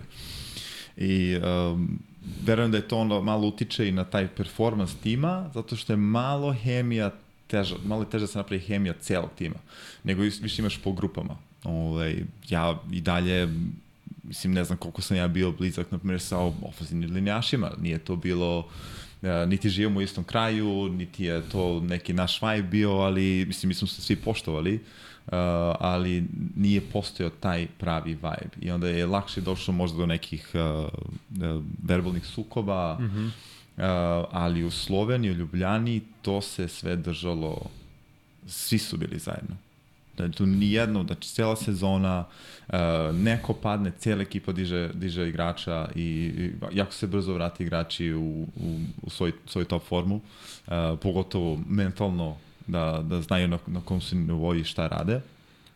Tako da uopšte nismo imali padove. Uh, ja čak mislim da smo mi samo izgubili u regularnom delu uh, od Vukova. Tu jednu, tu jednu no. utakmicu. Um, imali smo da i, i super importe i mi smo imali tu um, uh, ajde da kažem olakšicu što je poprilično blizu ta američka vojna baza u Avijanov mm -hmm. u Italiji, onda su igrači date neki dolazili uh, koji su bili na koleđu, neki čak i koji su samo bili high school, ali opet imaju iskustva. No, su i oni pomagali. Njihovo high school iskustvo, taj igrač koji je igrao high school već može da igra lagano ovo što igra u koleđu, iznad većine ekipe. Mislim, stvarno želimo i ljudima ovde da, da pokažemo koliko je bitno, kao na primjer njima što je bilo kad smo igrali futbol, običan ovaj naš futbol, kako to radite s loptom nogama, znaš, zato što to radimo od treće godine, znaš, da s čaletom ispred zgrade šutiraš loptu. Tako se oni dodaju s loptom, tako oni trče i sve to. Ja, znaš, od malih nogu već kreću i onda kad odigraš tamo high school, ako si bio na nekoj boljoj srednjoj školi, neki bolji program, ti si super igrač. Otišao na college, koji god da si otišao, već imaš mnogo više iskustva nego mi. I, I to je bila dobra stvar kad možeš da, da pokupiš tako neki igrače koji dođu kao je, hoćemo da probamo, oni probaju, budu dobri. Sklopi se ekipa, ta ekipa Ljubljane je bila opasna. Znači, oni su te godine došli u Beograd i Ada, Ciganlija, to je bio naš teren, nikad nismo izgubili nadi do te godine. To je bio prvi poraz Vukova na Adi. Ada je bila na osvojila trže. Znači, Vuče Brankoviću. uh, ajde pričaj malo još o, još o ovaj, to, to, hemiji ekipi. Ka, ka, šta ste sve igrali te godine? Ovaj, ovako, gde, gde ste ono, putovali, prošli i kakav je bio osjećaj pred to finale i nakon, naravno. Mislim, nakon znam da je bio najjači ikad. Uh, pa, mislim, sad, mi smo igrali, igrali smo taj uh, Cefal, igrali smo uh, igrali smo tu slovenačku ligu, mislim da nismo ništa uh, drugo radili. Um, ne znam, opet što tiče te hemije, stvarno, stvarno jako veliki suport sa svih strana. Um, imali smo problem sa trenerom, jako veliki problem sa trenerom uh, i um, ali opet to nas nekako nije zaustavljalo, jer se sve se nekako kupilo usput. Koja je vrsta problema? A, apsolutno ili... neozbiljan je bio. Aha. Da, to je čovjek koji je malo više uh, oslobodio se. Došao je, ne znam da je on došao direktno iz Amerike ili uh, odakle već, ali um, jako je bio slobodan i više se, ja, više je prtio. Da, tako da, ja sam živao sa njim i sa dva, sa dva importa, uh, sa Gardnerom, Quarterbackom mm -hmm. i sa Desmondom Hendricksom, čoveče. Mm zver. Jak zver. Um, da, tako smo imali generalno problem sa njim što, što nije bio ozbiljan i onako, ni, to je jedini čovjek koji nije uh, poprimio tu hemiju našu. Mm -hmm. nije, nije razumeo i nije mogao da se, da se sklopi sa celom ekipom. Uh, tako da je on poprilično brzo bio otpušten i onda su slovenjaški igrači neki preuzeli, to jest neki koji su već imali iskustva trenerskog, um, oni su preuzeli uh, vođstvo uh, što je u stvari na kraju se ispostavilo kao i bolja opcija. Um, ne, u, apsolutno svaki aspekt je bio uh, po PS-u. Sve što trebalo se radi, znalo se kako se radi, bilo je apsolutno organizovano kao na nešto što sam već navikao u, u Vukovima, um, samo što verujem da je jedini, jedina razlika bila hemija. Sve apsolutno, ako neko pogreši, nema, apsolutno niko nikog nije downovao, sve je bilo, ok, daj da vidimo kako to može se popravi, mm -hmm. ostaje se duže posle treninga, nalazimo se, gledamo, gledamo utakmice, gledamo, analiziramo utakmice, to je možda nešto što je bilo uh, još jedan, još jedan aspekt koji je, koji je bio korak ispred možda Vukova, jer to je bilo teško u Vukovima, recimo. Da, to je bilo nemoguće. Nemoguće, da. No. Da se napravi, da se organizuju igrači da, da u stvari rade sa, na, na analizi uh, utakmica. Ali mi smo to uspeli. Tako da je, bilo je lako, dođe se na, do, do kuće importa, ove, organizuje se ili je bio ono, video bimbo na, na laptopu šta god nađu s utakmice i priča se o, o svakom igraču. Tako da smo tu no, stvarno išli u detalje, opet za mene to bilo, aj kažemo, nije baš full time job bio, Ja sam imao mm -hmm. drugi posao sa strane, ali sam jako, jako puno vremena imao da izvonim za to. Ove, ovaj, pa sam ja mogu da iniciram malo na Nešto najbliže kompletnom profesionalizmu što se tiče američkog futbola u Evropi, do tog momenta. Da, da. Sem, da, sem kažemo, samo nije bilo organizovane, organizovane teretane. Mm -hmm. Iako smo imali teretanu, mi smo dobijali to od kluba uh, besplatno, ali nije bilo organizovano. Ali opet uspeli smo nekako da se i tu sklopimo, da svi zajedno radimo. Uh, uh, to jest da pravimo barem po grupama. Tako da, eto, mislim, a ja, ja samo ne mogu se setim da smo mi imali i jednom trenutku uh, nekih nesuglasica. Ovaj, sve što je izašlo kao nesuglasica, ja ne mogu da kažem da je bilo negativno, više bilo iz, iz uh, te strasti, iz ono, žar, da se pobedi, da se igra bolje, da, da se nestaje, tako da imali smo dominantnu sezonu. Da, da. da. I, I finale je bilo, mislim, da. onako kruna svega. Da. Znači, to je, ako se, ono, Ljubljana je od samog početka bilo u Ceflu, Selov pa Cefl, znači od prve godine su bili tu, to je 2006. pa eto 7. pa 8. 9. 10. 11. i dočekali su svoj moment 2012. da, da uzmu titulu te godine. Da. Ti si im pomogao u tome i ajde malo nakon toga, šta je bilo, ko je bilo? Jo, Povratak iz Beograda u Ljubljanu, gde si ti, si išao s njima, si ostajao, šta je bilo? A, hoćemo prvo utakmicu malo. Ajde utakmicu, da. ajde utakmicu. Ove, e, uh, utakmica, ja, generalno bio sam uzbuđen da, naravno bio sam uzbuđen da igram protiv Vukova finale, igrali smo tajnu utakmicu pre toga, izgubili smo i to isto bilo prilično gusto. Ove, uh, da sam dobio ovaj, baš uh, disrespect od većine igrača. O, a jok, a što, šta si mislio da ću raširimo noge i desi, brate? da, da, da, to je bilo onako dobro, mislim, šta sad, tako da sam čekao neki način ovaj, uh, tu osvetu malu za, u finalu, tako da je bilo jako velika trema. Mm -hmm. uh, da imao sam jedan ve, veliki joke. Uh, baš... Čekaj, jesi ti, ti si u stvari, ako se ne varam, imao čas da uvedeš ekipu na teren? Da. Je da, to je, mislim, Da. Dali su ti ovaj, da, da, da predvodiš ekipu, jer mi ulazimo sa strane gde, gde južna, vi ste ušli gore sa, sa da. severne strane, toga se sećam i rekao, vidi ga što maše ovom zastavom. Ove... A da, mislim, ne, baš sam ono bio nevjerojatno uzbuđen, ali sam imao, kako ste rekao, imao sam jako veliki čok na početku, ovaj, gde sam imao priliku jednog od, od resivera ovaj, uh, Vukova da uh, baš razvalim, da kažem, jer mi je bio baš na blindu. Ovaj, uhvatio loptu, okrenut leđima, mogu sam samo sačekam i tu sam se ukupao. Tako da mi je, to mi je bio moment uh, kad sam, kad sam morao malo da se, da se restartujem, uh mhm. -huh. da se vratim u normalu, jer sam osetio da sam, da sam totalno van igre. Da uopšte nisam na terenu, da mi je glava, ne znam ja da mi je bila glava, da nisam uspeo uopšte da se snađe. Tako mi je trebala cijela četvrtina uh, da, da uđem u što si posle toga je nekako sve krenulo vodno. Imao sam veliki problem sa, sa, sa Fićom, Stojanovićem. Fića, Fića je ozbiljan bio, znači on je te godine bio MVP. Da. Te godine bio MVP domaćeg prvenstva, onako baš iskoristio priliku koja mu se kazala i realno gledano kad pogledaš fizikalije, Fića je baš prototip uh, Da. Hva, tako treba da izgleda hvataš. Znači, to je to. Oko 1,90 90 kila, brz, agilan, menja pravac. No, straha. Košark, štako, da. sve, sve. Vraća kick-off, vraća punt, ima, ima jako dobru viziju. Jedan kompletan hvatač. Njega ću jednom da dovedem, ovaj, Fiće sad radi kao trener, da, da, da, moj da. komšija. Tako da, respekt za Fiću, pozdrav, pa i ti će da dođeš malo da pričaš o, o, o svojoj karijeri. Sećam se kad je razvalio ono Adams 2000. Malo.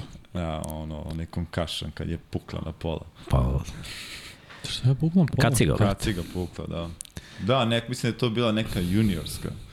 I ove, i ne sjećam se da li on dalje iz napada ili iz odbrane, ali je rascepo kacigu na pola. Pa, da, samo. Stopšte, da, Ma te kacige su, brate, Vanja, da, verujem mi. Ko ova ovde što mi imamo u šteku. Razumeš? Jedan udarac daleko od toga da pukne. Ove, da, da ta utakmica gledajte, na kraju je bila uh, ja mislim da imam totalni blackout jedno dve četvrtine, se ne sjećam što se dešavalo. Posle utakmice ja sam ja sam samo shvatio da su mi osvojili.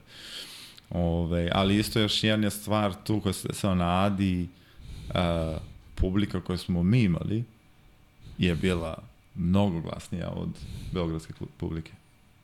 Jer ja ne, ja ne znam kako to može desiti. To je bila nekolicina, to je možda bilo 30 ljudi, ali e, to mi, prvi put mi se desilo da ja na terenu me neko obrati pažnju sa, iz, iz, sa tribina.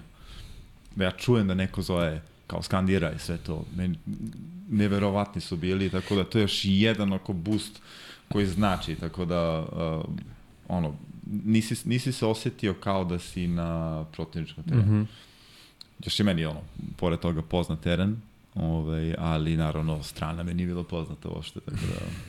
Ček, ti si zapravo jedini neporažen onda na tom terenu. Poražen sam, poražen Kasnije. sam u finalu, u finalu uh, neporažen, ne, da, u finalu na Adi sam neporažen, ali sam izgubio tu jednu utakmicu u regularnom delu. Od A, to je bilo na Adi, ok. Da, okay, to je bilo okay, na Adi. Okay. Tako da, Tom. ja jedan poraz, ali okej. Okay, no, okej, okay. ajde. Če pro, progledamo kroz prst. Ček, da smo mi posle izgubili nešto na tom terenu? Do kraja. Ne. Mis... Ne, ne, ne. To samo ne, Ajde, ići ćemo godinu, pa da, da. Ne, me je zanimalo zapravo, pre nego što nastavimo dalje, duel vas dvojice, pre svega na treningu, sam ne znam da li je bilo u finalu. I ko je izlazio ne, ne, bolje ne. u tim duelima? Ne, ne. Ovaj, gledaj, na treningzima je bilo mnogo. Sjećaš onog, brate, nemoguće hvatanja kad smo napravili salto i ti i ja. Brate, tad nam je bio, uh, to je bila 2015. Miles nam je bio QB, ja trčim slant protiv Bay. Bates je inače majstor uh, bumpa na liniji skrimiča. Znači, ako dođeš na trening nezainteresovan, on će odmah te baci na pod, razumeš. Znači moraš smarač, moraš da ideš prvi korak nazad, razumeš, jer on ako te uhvati za ped, on te samo okrene dole i, to je to, znači mora da radiš protiv njega. I stane mi onako blagi off, ja rekao, ok, ući ću unutra, zasečem ka slen, tu Miles baca gore, iznad, baš je bacio iznad visoko. Na slen bi trebao te čeka uvek ovde mm -hmm. ili dole, da te zaštiti od onog šta je unutra i, znaš, da on ne mogući njega da preko mojih leđa napravi play. I on je digo toliko gore i ja se odrazim i za, baš zalepim loptu. Znaš, kad, kad tačno namesti šake da se lopta zalepi. U tom trenutku, pošto mu je dao da napravi play, on nalegne na mene, mi smo u vazduhu i on i ja otprilike kao na onoj slici, nalegne i kako me udario, mi krenemo se prevrćemo u vazduhu.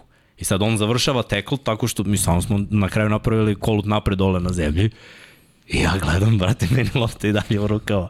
I on kao, a, ovi ko šta se ovo deša. Ali bilo, bilo je zajebano, znaš, on je, prvo da krenemo od te linije skrimidža 1 na 1, tu, tu je najzajebaniji od svih igrača ikada. Samerima nisam imao toliki problem. A ja, ja sam volao da budem shifty na liniji, ja uvijek onaj crossover bacim pre nego što krenem, mm -hmm. to mi je bilo, i ovaj, ali bilo je par puta kad me uhvatio. Što ga pocenim i budem u fazonu neće, brate, i Burazer me uhvati. Ali kad te uhvati, nema, nema da to tačno znam, tačno je naučio da, ovaj, kako da iskoristi telo, kao, kao u judu da te prebaci preko kuka. I onda ti, on, ti si već izgubio prve dve sekunde, onda rutu nema šta da trčiš ti, kako te izbaci iz tajminga. Evo i tu smo onda posle protiv njega uvek davali 100% i mlađi klinci kada dođu uvek ih pošaljemo na kaljenje protiv njega. Oni jadničići dođu, razumeš, kao da istrče neku rutu, ne pređu, brate, pola metra. Ovaj, al, al, al da bio, bio, bio je baš zajeban što se toga tiče. Ali nadam se nije fair jedan na jedan. Jedan na jedan je totalno naš fazon za napad. Jer on uh, bukvalno može da me zustavi samo tad na početku i eventualno ako quarterback ne baci idealnom pas. Malo nazad, malo, i ako mi ako smo nesposobni da uhvatimo loptu. Ako Kube baci gde treba, ja uhvatim loptu. Mnogo je širok teren, to nije realno. Znači, jedan na jedan, to ja mrzim isto da dajem klincima, dajem da bi gledao napad, kako oni trče rute, kako prikrivaju i da bi, redko kad se igra man coverage na, na tekmama, u principu smo uvek u zoni, manje više ispravimo ako grešimo, ali samo kad je goal line, tamo da, tad se igra man coverage. Da, ali da. mi igramo s pola terena. Mi uzmemo pola, ja stanem na 50 yardi na sredinu terena i on ne zna šta će da brani, da li ću kratko, da li ću dugo, da li ću fade, da li ću post, da li ću ovo, da li ću ono, zapravo ima zadatak da, da brani ceo teren. Tako da s te strane nezahvalno, i onda mi kad to dobijamo, mi se naravno busamo kao kako smo dobri, hvatamo sve, ali mora budeš, mora da budemo realni da, da ipak s defanzivne strane nije realno da te čovek odbrani, osim ako ne pročita rutu ili ako te ne reši na liniji skrimidža. E, ta pobeda na liniji skrimidža, to je sav respektu, jer, jer to je zapravo, zapravo suština. Da, to je bolje uvijek igrati, ili ono, 2 na 3, 2 na 4, čisto da imaš, da imaš, jer njima ništa ne znači to ako nemaju rid. Mm -hmm. Džabe ti radiš sve te, sve te vežbe ako mm. ti na kraju samo ono, bukvalno si slep i radiš neku rutu, uđeš unutra, hvataš loptu i onda te zvekne safety, razumeš? Mm. Ako ne vidiš to, dakle da to je cool onako malo za ovaj, letnji fazan. Pa da. I dobro, mislim, znaš šta, to ti je prikrivena kondicija. Da, da, da, to da. No, ti uzmeš i kreneš te rutice, pa, pa, 2-3 posta, 2-3 fejda, mi si ne izvalio koliko si već izdru, to je sve ono 50 po 50 po 50 po 50, ali mislim sve full sprint. Mm. Tako da lepo se ti tu istrčeš, premiš, ali da, 7 na 7 je u stvari najjača priča. Najjač, 7 na 7 je nešto što smo svi najviše volili, znači to se igra pre tima, to smo samo mi skillovi, znači četiri hvatača, running back eventualno ili spread sa pet hvatača i odbrana. Tu imaš i safety, imaš, e tu nema zezanja, tu ako uđeš u sredinu, Mislim, mi nikad nismo igrali ono full kontakt od kada su Ameri došli, ali brate, ako naletiš na nekom, samo se ukopa, namesti ti rame i mislim, mora da ga, e to ono što on priča, tu, tu skapiraš gde da staneš, gde da usporiš, kako da se ukažeš quarterbacku i to, a opet kako i njih da prevariš ponekad, da, da napraviš neka ukrštanja. Ovaj, iskreno obožavao sam trening. Znači, to mi je najlepši period da, ti treninzi, to, jer smo imali baš zdravu konkurenciju. Imali smo dosta mm -hmm. dobrih igrača. I oni defanzivno, znači manje više to je mogla bude cela reprezentacija, da se nalažemo. Pogotovo, znači, mislim, 14, 13, 14, ta je bila, ta, ta odbrana je bila... No, brutalno. Vanja, mi smo dobili Kragujevac 2013. kad sam vam vratio, on se vratio u 2013. u finalu 42-0. Sa, sa jednim laganim skidanjem noge gasa u drugom poluvremenu te godine da, nismo igrali tipa Euroligu ili tako neke stvari, ja ti potpisujem. Nije zato što kao sad moja ekipa ili sve to. Ta odbrana je bila nerealna. To, to su bili takvi igrači. A mi, naš napad je bio najbolji napad. I Kotrbek nam je bio bukvalno ono, Cam Newton. Lance da. Krizen, koji je dečko 2 metra, 110 kila, tank. Igra kvotrbeka, pa ubacimo naše kvotrbeka Davida i on stane na fullback kvotrbek i ide i razgrće ispred, jer, jer razbija ljude. Mi smo se zezali u napadu. Ta nam je došao Josa 2013. Da. Josović je bio MVP uh, evropskog prvenstva tada. Uh, momak koji je došao iz Čačka, znači samo otkrovenje odjednom, on je bio MVP i, i u našoj ligi. Znači imaš trkača koji može da istrči sve ofanzivna linija spoj iskustva. Ofenzivna linija nam je bila najveća, znaš, koji, koji su to ljudi, kakva je to tek bila ekipa. I mi, hvatači, odrađujemo posao. Mislim, ja kad se setim te 2013. koje je sve bio, znači mi smo imali, nismo imali importa, imali smo Tonija došao. Znači to što je Tony Washington, da. koji je bio ono, MVP strani igrač svake godine, Plameni, Fića i ja, je Mario i Mogli i Vanja. Brate, krcato. Znači, gde god si pogledao, mi smo, mi smo stvarno imali talent te godine. Šteta što nismo igrali nešto više. Stvarno mislim da... Da, da, da, da smo igrali ovo što smo igrali 2014. Da, da. Euroligu mislim Osvo, da bi osvojili lagano 2013. Jer ono, baš je bio fokus. I ekipa je bila u fazonu, to je to, mi rešavamo osvijamo. 2014. nam dolazi novi trener. Ove 2013. je bio Embo. Embo je bio uh, tight end coach u Denver Broncosima. Mm -hmm. On je inače Rubenov bio uh, coach, ne position coach, je Ruben bio running back, mm -hmm. ali mhm. tu su se oni sprijateljili i ovaj ga je doveo da on nama bude coach 2012. i 2013. Sa Embom je bio fazon, Embo je bio naravno posvećen napadu, Brate, taj napad je ono to ono što sam ti pričao. Prvi put da te trener priđe, da nema ego i da te pita ono šta bi igraš, kako ovo, šta vidiš, šta mislite da odigramo ovo, ajde ovo, pa dizajn, pa brate uh, signal call, no huddle, sve to za nas je bilo naš, još jedan upgrade, još malo bliže NFL-u, pa dosta NFL akcija isto. I to ti je bilo sve lepo da igraš. Mislim da je i zato bilo uspešno i naravno i moj quarterbacka koji je za naše prostore ma za Evropu u stvari, ne za naše da. prostore. Onakav quarterback da. u Evropi nije on bio najbolji dodavač. I često je bio sebičan, nije teo da doda loptu, nego, znaš, na primjer, mnogo puta Sam ti trčiš da. post sa, sa kontra strane, on rola na levu, levoruke, mm -hmm. razumeš, i ima da mi baci post lagano, može baci 50 yardi za touchdown, i on je spusti i brate nikoga neće oboriti, on tap, tap, tap, tap, tap, jednog sti farma, vrati se istrči, on touchdown. I ti si u fazonu ono kao mislim, okej, okay, ali brate već si dao pet, ono, do, dodaj, mi, meni, malo, dodaj mi jednu loptu, brate. Ili ide, ili ide nekog da, da, da, da ono... A, pikira nekog da. i kao, znaš, usreću ga u toku tonu, u prvoj da. četvrtini. Mm. Ovo je njihov najbolji linebacker. Sad ću ja. Sad ću ja. Ju, brate, pregazi ga. ja mogu ti opišem. Ozbiljno. Znači... Šta je to, šta je to bilo, brate? Ali stvarno, ta, takvog, mislim, ono, bio solidno pokretljiv za toliko. Kao McNair, ajde, to je neko mm. idealno poređenje fizikalije. Mm -hmm. Ali ovaj, trčao je brže. Znači, nerealno. Uh, 2014. dolazi nam novi coach, dolazi nam uh, Kirk, pokojni Kirk, Bog dušu da mu prosti, on je, ovaj, on je prema meni bio mnogo cool. Od, od, mi smo imali tad pripreme, tad smo crossfit radili u Spartancu. A da. Kao pripreme, tako je sve krenulo, ajde, otvara se nova sezona, idemo. Ovaj, mislim da smo ti ja to bili onako u vrhuncu spreme, smo mogli da radimo. Da, ono, jurio sam se s tobom po ovim krugu, jer tamo sve radiš u principu timski, ali je individualno. Ja rekao, brate, to je to. Kirk je napravio dobru priču i ta odbrana je bila jako dobra. Tad nam je QB bio rezervista Kema Newtona sa koleđa. To je bilo. Ovaj, bio je precizan kao Satić. On sad radi kao, kao scout i spremao je neke prospekte za NFL zapravo u Houstonu. Mm -hmm. Sean.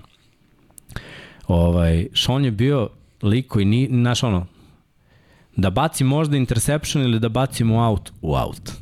Da mu dam loptu koja je jako teška da uhvati ili da istrčim i eventualno čušnem, istrčim i eventualno čušnem. Znači, toliko iskalkulisan lik, nije bilo kod njega mnogo improvizacije. Samo kad zna da, da je nemoguće da se desi interception ili tako nešto, ćoškario je ono, baci loptu uz out, pa mi ako napravimo hvatanje, napravimo. I te godine smo mi prvi put ono kao ajde Eurolika, konačno, brate. Namoli smo ga posle, eto, pričali smo 2006. do 2014. Osam dugi godina igramo taj cefl, igramo ovo, nikako malo da se zaigramo sa, sa evropskim ove ekipom. Imali smo te godine taj peh, bile su one poplave 2014. Da. Mislim, naša sezona je bila cool, mi smo dobili svaku tekmu. Da, mi, smo jako tešku sezonu, ono. Imali smo 18 utakmica u 17 nedelja. Da. Uzastopnih. Uh. Da. To je bilo, to, to je bio prvi taj osjećaj profesionalizma. Kako izgleda momcima u NFL? Znači svaki vikend tekma. Nema, nema šta planiraš, nema ništa, tekma. I ako naravno prođemo grupu i odemo na Final Four, dve tekme u tri dana. I to je bilo u Parizu i to smo se noštrili da to mora da se ovaj, ostvari. Da odemo tamo, naravno putuje se busom. 27 sati te priče od njega i Jimmy-a, mislim se čuje jedno 10 puta, to strikno, direktno iz busa, odma na teren, dobijamo prvu. Nemo hotel posle, jer su mislili da Ne, ovde smo, ovde smo spavali. Spavali, ne, spavali smo, smo da, da, Za Budimpeštu da. nikad nismo spavali. I za Sloveniju. Da, Budimpeštu znam da je hotel bio... Je to ne, ne, to je bilo da za finale 2011. Da, da. Se sećaš ono? Ja kad bi našao te slike, kad bi našao te, to je kao napušteni ono, da, da. hotel koncentracioni hotel i, i, iz drugog svetskog rata. Eto, tu smo bili smešteni, znači, ali smo ih dobili. Ej, ej. Da ne pričam, ono... Ma, ne, ne, mi smo... Pričaj. No, mi smo nalazili... da ne bude da sam ja rekao da ni... Ne znam ko je, ne znam ko je našao, ovaj, neko je našao špric u, u ladici od stola. Pa. Da, ovaj, ja sam mislim bio sa Boš, Boškom Marijom u sobi, da još neko bio, momci su spavali na, na stolovima. Išli smo gore na sprat. Da, na ja sam našao stiropor. Da. da, i onda stavimo na sto i spavamo na stolu. Ma to je bilo, Haos. oni jastuci. Jastuci one, sa 70 nijansi fleka. 50 nijansi žute. Užas, brate. Užas. Ja. Da, pa smo, poneli smo taj jedan jastuk tamo, pa smo ga rasporili u slačionici posle utakmice. Da, posle nas je Ruben postrojio, ali da, da. ne Ruben. Jeste Ruben. Ruben. Da, Ruben nas postrojio. Ruben koji je inače spavao u Hiltonu, Boraze kao, budete tu i otišao. ja rekao, ja, Džukelo jedno. Inače, ajde da kažemo, nismo imali baš mnogo sreće u, u ovaj, igračkoj karijeri sa tim smeštajem, ali bazi, mi ovde kad smo stigli u Pariz, dobili smo taj neki hostel.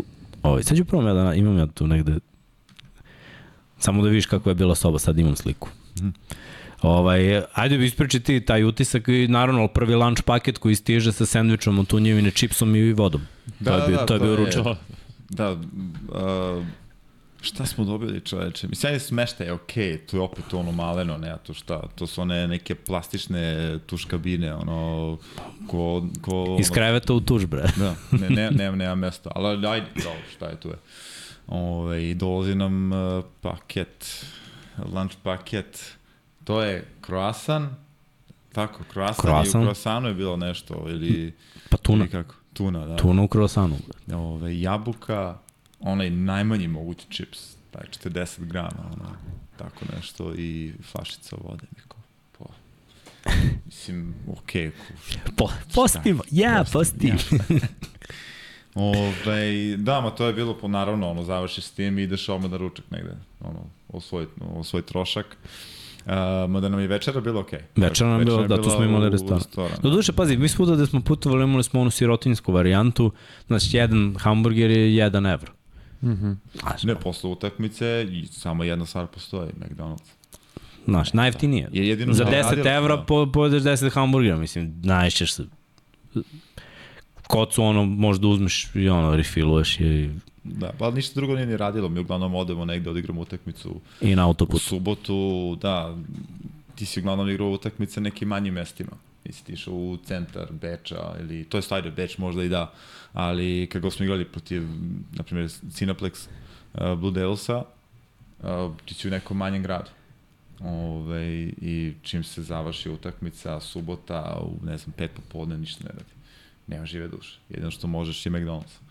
Tako da, ali to, pa šta ćeš, mislim, ovaj, ili to ili ako se nađe Burger King, to je bilo tek, no. to je bila premija za nas. Ovaj, da, ali u Parizu... Poslao sam ti na digital. U Parizu to je bilo, mislim, neverica je bila da dobijemo tako nešto, da je Final Four, ali dobro, šta ćemo, večera je bila okej, okay, pa smo bili zadovoljni, ali kad je došlo posle prve utakmice...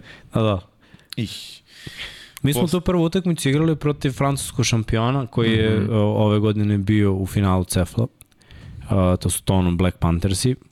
Ovaj, oni su igrali neki, ba, moj, ja moram da kažem, to je meni old school sa ono, dva fullbacka, dva, no, ono, run, tri, tri, tri da, backa, da, da, znaš. Uh, za tu odbranu koju smo mi igrali, ove momke koji su bili pretalentovani, znači u defanzivnoj liniji i sve, to nije, ja sam znao da to nije problem. Znači, pre početka, mi smo ovaj, kad je krenula tekma, ja, znaš, ono, prvi drive, drugi drive, ja sam bio u fazonu, oni ako, evo, evo je ovo. Ovde, do, mislim, ja sam bio dole, ovo je moj rumi, na svakom putovanju, Jeff, pozdrav za, za šefa Jeffa šef, i ovo tamo što vidite ta vrata, ali to je bukvalno metar sa metar, kao što se može vidjeti odade. Znači ono, šolja i tuš, brat. Sve, sve je to jedno. Razumeš? I, I to je bilo to. Tu smo bili. Tu sam veći krevet. Pa ja, ja sam oteo. oteo. Ne, Jeff je bio, ja ću gore. Rekao, do jaja. Ćeš gore? Idi gore. Te pa će biti kao dole.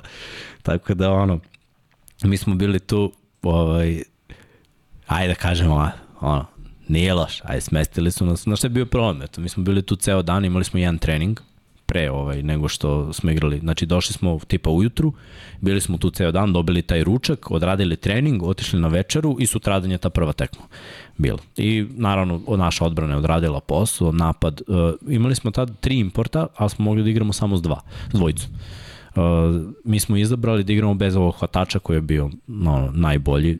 Zvaću jednom Tonija da, da se i on uključi. Ovaj, igrali smo sa odbranbenim, sa, sa linebackerom i quarterbackom. To je bio naš izbor. I iskreno, svako od nas, igrali smo timski, svako od nas hvatača imao 2-3, po 2-3 hvatanja, ovaj, sve je bilo ono prvi down, pomerali smo trčanje, trčanje, oni skupe boks, mi pet hvatača, pa, pa, pa. Znači, taktika prava kako treba da se reši tekma, Kirk odradio svoj posao, mi svi smo odradili svoj posao. Ja mislim da smo imali jednu ispuštenu loptu. Znaš kako je to lepo bilo sve i tačno. Dobijemo mi tekmu, ne znam, moj neki utisak je bio lungo, za čips i za croissant. Croissant. Croissant. Ba, baš sam bio da, srećan nakon da, te da, tekme da. što smo dobili. Pritom idemo u finale, brate, Euroligi. A, a pritom smo bili ono baš underdogs.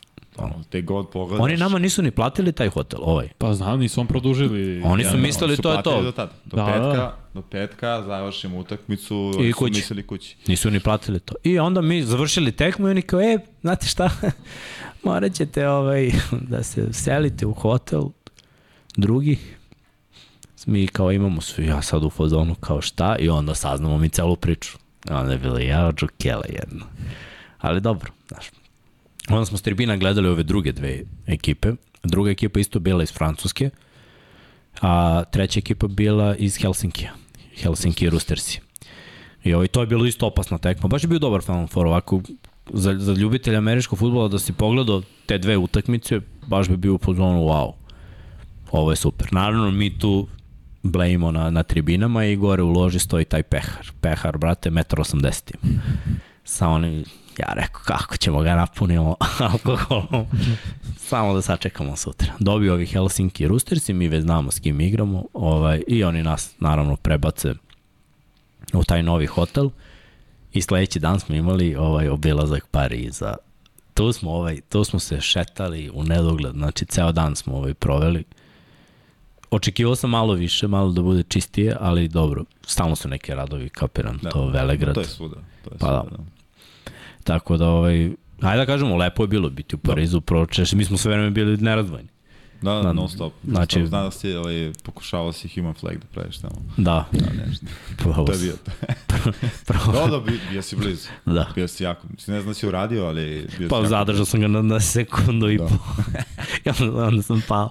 A samo nađe nešto. To je zato što, i... što je moj Rumi i ja smo se primili jako na street workout godinu dana ranije još i on je izabrao ovo gore da bi radio human flag na spratu gore na ovom krevetu što sam vidio pa smo se mi takmičili u našem smeštaju, razumeš, ko će da uspe, ko će šta da radi, to je bilo interno kod nas, razumeš, mi smo oni sedeli zajedno bili zajedno u sobi i sve.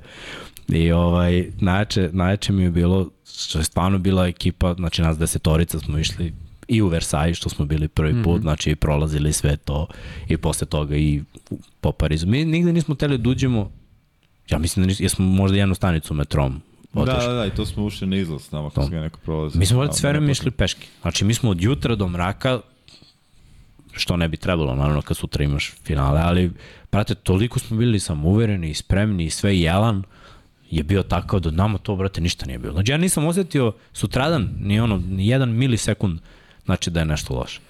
Mislim, Parižani idu u ulicu, ono, subota, znaš, hoće da se odmore ljudi. Sam vidio nekog lika, ono, Blena, ne znam, Banderi hoće da uradi zastavu. Šta najče nije bilo na Banderi, sad ću da nađem sliku. Ovo zamisli tu scenu. Brate, to je bilo ispred nekog, neke palate, brate, nešto. da, da, da. Ni ovo Versailles je bilo zlatno, sad ću nađem. Krivin Jeffa. On je prvi probao. Kolega kolega. kolega. To je njegov kolega, cornerback. Da. Gde si, bre, kolega? U, udri ga kolega. Ovaj, da li je moguće da... Eto. To je sve nekad bilo na face dok sam imao Facebook. Da, ja sam imao dosta da ja ne, ne mogu da, da, da otvorim taj Facebook. Izgubio sam šifru, ne znam ni mail, ništa ne znam. Tako da, nažalost, sam ja dosta toga izgubio, ovaj, ali bile su to Da, ono, prolaziš ono po Eiffel Tore, ono, guže, ono, ne znam, no. kilometar. E, ali znaš je, to da, to, s nama je bio Nikola Đuričko. Da, da on je ja, krenuo, on je krenuo s nama i ovaj, kad smo bili, mislim, on je prijatelj kluba, dolazio i na Adu da gleda utakmice, a u Pariz išao s nama. I ovaj, tad kad smo bili kod triumfalne kapije i sad hoćemo sliku, da imamo timsku sliku, i on uzme kao, ajde ja ću da vas slikam, mi se poređete i ne možemo stanemo u kadar. Đuričko ode, mislim, pošto tamo kružni tok. I Borazer legne na kružni tok, brate, kao da bi, znaš, imao širu sliku. Ja se mislim, brate, sam misli, ne znam, neki idiot ne vidi ga i pukne ga i u novinama ovo, zbog Vukova nemamo više Đuriška, zamisli. Stranger Things se ne bi desio, brate. Ali Borazir kao, auto, auto stalo, lego, pa, popalio sliku, vraća se, rekao, ko je ovaj čovjek, legenda? Rekao, ovo, ovo je, znači bio mi je legenda i, i pre toga, da. ali posle te scene sam bio u fazonu Đeričko rajači. Na sliku ne mogu da nađem. Tako da, jebika. Ali dobro. Uspeću ja to nekako. Naravno, imamo u postprodukciji ćeš da ubaciš tamo. Da, da, hoću. Da vidite, da vidite budalu što radi po Parizu. Uvijek, uvijek naši ljudi prave sranja po Parizu. Ali pazi, najlepši trenutak u svega mi je bio ručak. Jer smo prvi, znaš, idemo mi sad na ručak, ja rekao sad će opet da nam uvale čips i, i croissant. Brate, mi ulazimo kao neki ogroman supermarket koji je supermarket i restoran. Ti uzmeš svoja kolica i ideš i biraš kao iz prodavnice, stavljaš u korpu, stavljaš piće, ono šta hoćeš, Red Bull, vodu, ovaj, i dolaziš, oni te pitaju na kasi kao šta hoćete kao od jela, imate kao mesa i odlaziš u kuhinju gde ti oni direktno sprema, hoćeš steak, hoćeš piletinu, hoćeš ovo, hoćeš ono i švedski stoje za sve priloge. Pirinač na razne načine, paste na razne načine, povrće na razne načine, salate sve žive i mi u fazonu, mamu im, je moguće, brate, da oni imaju ovo već tri dana, Znaš, a, a mi ništa, brate. Znači, došli smo ono prvi dan, pa drugi dan tekmo, evo ga treći dan, mi tek sada, brate, jedemo ono, normalan obrok. Rekao, kakve džukele, ali dobro, sutra ćemo da im naplatimo. I onda je došlo, ovaj, da, da došlo je do te tek. Pokušaj naplate. Da. Da, ovaj, ne, bila je, bila je jako gusto utakmica. Mi smo vodili, mi smo da. vodili do poslednjeg napada. Da. Mm -hmm. E tu je u stvari, znači, stvarno je bila dobar tekma i odbrana je radila svoje, mi kao napad sad smo igrali sa Tonijem, malo je više napad išao u tom smeru, nije bilo mm. toliko timski, ideja je više bila da trčimo. Uh, I oni su skapirali to u tom poslednjem napadu i baš su napunili boks, ono jedno trenutku osam ljudi u boksu i mi dalje pokušamo da, da trčimo. Nije baš bilo realno da, da će to ovaj, da, da prođe. A spred nam je stvarno dobro išao. Ovaj, bilo je jako teško kad staviš trips ovamo da je Toni, njima je fokus tamo, a ja uđem u slot sa kontra strane i igram protiv linebackera. Ne može da me stigne na... Taj pet out je on znao da baci u oko. Znači, a ne može linebacker da ti isprati kad, kad trčiš taj speed out. Jednostavno, s polja hvatač istrči fade, skloni cornerbacka, ti si ovamo, on vidi odmah da li je corner otišao ili nije, ili je jedno ili je drugo, znači, ne, ne, jer safety je skroz ovamo na Tonijevoj strani. I umesto da igramo to, mi opet trčanje. Nemamo Pantera, Panter se povredio. I ovaj, Tasa uzme ono, nikad nije pantovo čovjek kao bivši kotrbe, kao ja ću da ispontujem. I ispontuje je možda 20 yardi. Pa, A? mislim da i manje. I manje. I manje od 20 no. yardi. Dobro, znači bolje da je samo uz loptu i bacio šikno. Pa onda bi, ste, znaš, nije ni to dobro jer bi krenuli iz tog mesta, ali, znaš, ko, možda smo trebali da odigramo neku akciju, šta znam. Ne, Sve o svemu, znaš, da. ti, ideš, ti ideš taktički, treba pant i računaš da će pant da ode bar na njihovu polovinu. Oni su dobili loptu, mislim da je bilo malo više, malo manje od dva minuta, malo više od jednog minuta, ne mogu tačno da se setim. Malo više od jednog, ja mislim da je da. bilo. Znam Oni da imaju... da su, mi smo primili taj poslednji na neki 25 sekundi da. pre kraja. I manje. Manje čak, da, da. manje. Mi smo imali kick-off i jednu akciju. Znaš, oni dobiju loptu na našoj polovini, imaju posljednje napade. I to ti je opet ona taktika koju mi često pričamo mm. u NFL-u. U ovim trenucima, ako znaš da napad ima neku šansu i da ide, možda i da ih pustiš da daju. Znaš, mislim, okej, okay, naravno, ne želiš da pustiš, ti želiš da igraš odbrano. Kako je krenuo taj njihov napad posljednji, oni izađu u spredu i ovaj, traže, znaš, rupu u zoni, traže ovo ono, pap, kompletiraju dodavanje, jedno, drugo, treći, ti već vidiš, brate, potrošit će nam vreme. Ako oni daju touchdown, to je to dobijaju. I oni bukvalno, ja mislim da je bilo tako 11-12 sekundi do kraja, oni daju touchdown, mislim nam ostaje kick-off i jedan play, mislim ono, Hail Mary ili tako nešto. I probali smo i nismo uspeli. Ja mislim, to, to mi je to mi je drugi najveći fail. Ne bih rekao da je ono najveći, najveći mi je onaj grad 2016. jer je to bila moja posljednja utakmica. Dobijena isto tekma, ali doći ćemo do toga. Ali, brate, ova je bila ovo je bila utakmica da, da smo izgoreli zato što je to bio potencijal. Već si znao sledeće godine nekoliko igrača odlazi da igra u Evropi, uh, jer, jer su bili suviše dominantni, bez obzira na tu ligu i sve žele da uzmu pare da se naplate, da, da malo prođu taj život i treba to raditi. I onda, znaš, krenula je da bude odmah žal. Nakon da, ono moment kad je bila pištaljka, tebi kreće, brate, imao si ga, vodili smo. Da. Bili smo bolji na tekmi, znači samo je nismo priveli na kraju i kreće ono, kreće taj veliki, veliki smor koji je bio. Ja, ja sam se baš ono u jednom trenutku smorio, jer znaš, što je najgore svega, mi imamo ove sledeće nedelje finale Cefla. U Ljubljani. Da, znači vraćam, stižemo u utorak. Putuješ da, 20, koliko, da. 6-7 sati. 27 sati su putovali. I onda posle opet Ljubljana. I ta Ljubljana je bila teška. Hmm. Pre dve, tri četvrtine, ono, dve četvrtine su bile haos. Haos. Mi nismo mogli da se pokupimo nikako. Toni nije igrao. Hmm. Ove, ovaj, Da, mi, mi smo imali ono dva, tri turnovera, ono jedan za drugim, nema ništa, ništa napad, nažalost nije mogo na, do tada uradi ništa i posle samo valjda nam je nekako ono došlo to što kaže dupete u glavu i sklopili smo se i završili, ono, tako da smo barem to osvojili na kraju. Pa. Ali, ne, Ali znaš, bila je mala uteha. Mala, mala uteha. uteha da. Jer si radio celu sezonu, bukvalno nisi izgubio ni jednu tekmu, došli si do finala Final Fora, vodio si tekmu, napravio si ono sve što si mogao i na jedan posed onako preokret u finišu izgubiš. To bi nam bio ono, to, to bi bilo kruna karijere, u stvari, svima nam. Jer, jer je stvarno bila velika stvar. Uh, I onda, naravno, priče, trener ostaje, ne ostaje, na kraju Kirk je odlučio da, da ne ostane. Importi ne ostaju, samo se Toni vratio sledeće godine i, znaš, 2015. mi smo u fazonu tražimo novog kvotrbeka. I imamo ozbiljan problem da nađemo novog kvotrbeka i ovaj, došao nam je brat Miles koji je kao lik, jedan od najjačih likova, ali jako neozbiljan. Jako neozbiljan kao, kao igrač. I ovaj, bio on dobar za, za tu neku timsku hemiju, energiju, ali M se povređivao, M nije mnogo igrao. Trener je bio high school trener, nam je to bio downgrade, ozbiljan, ofanzivno. I on nije mogu da odluči ko će bude quarterback. I onda je sjebao i Davida i Miles.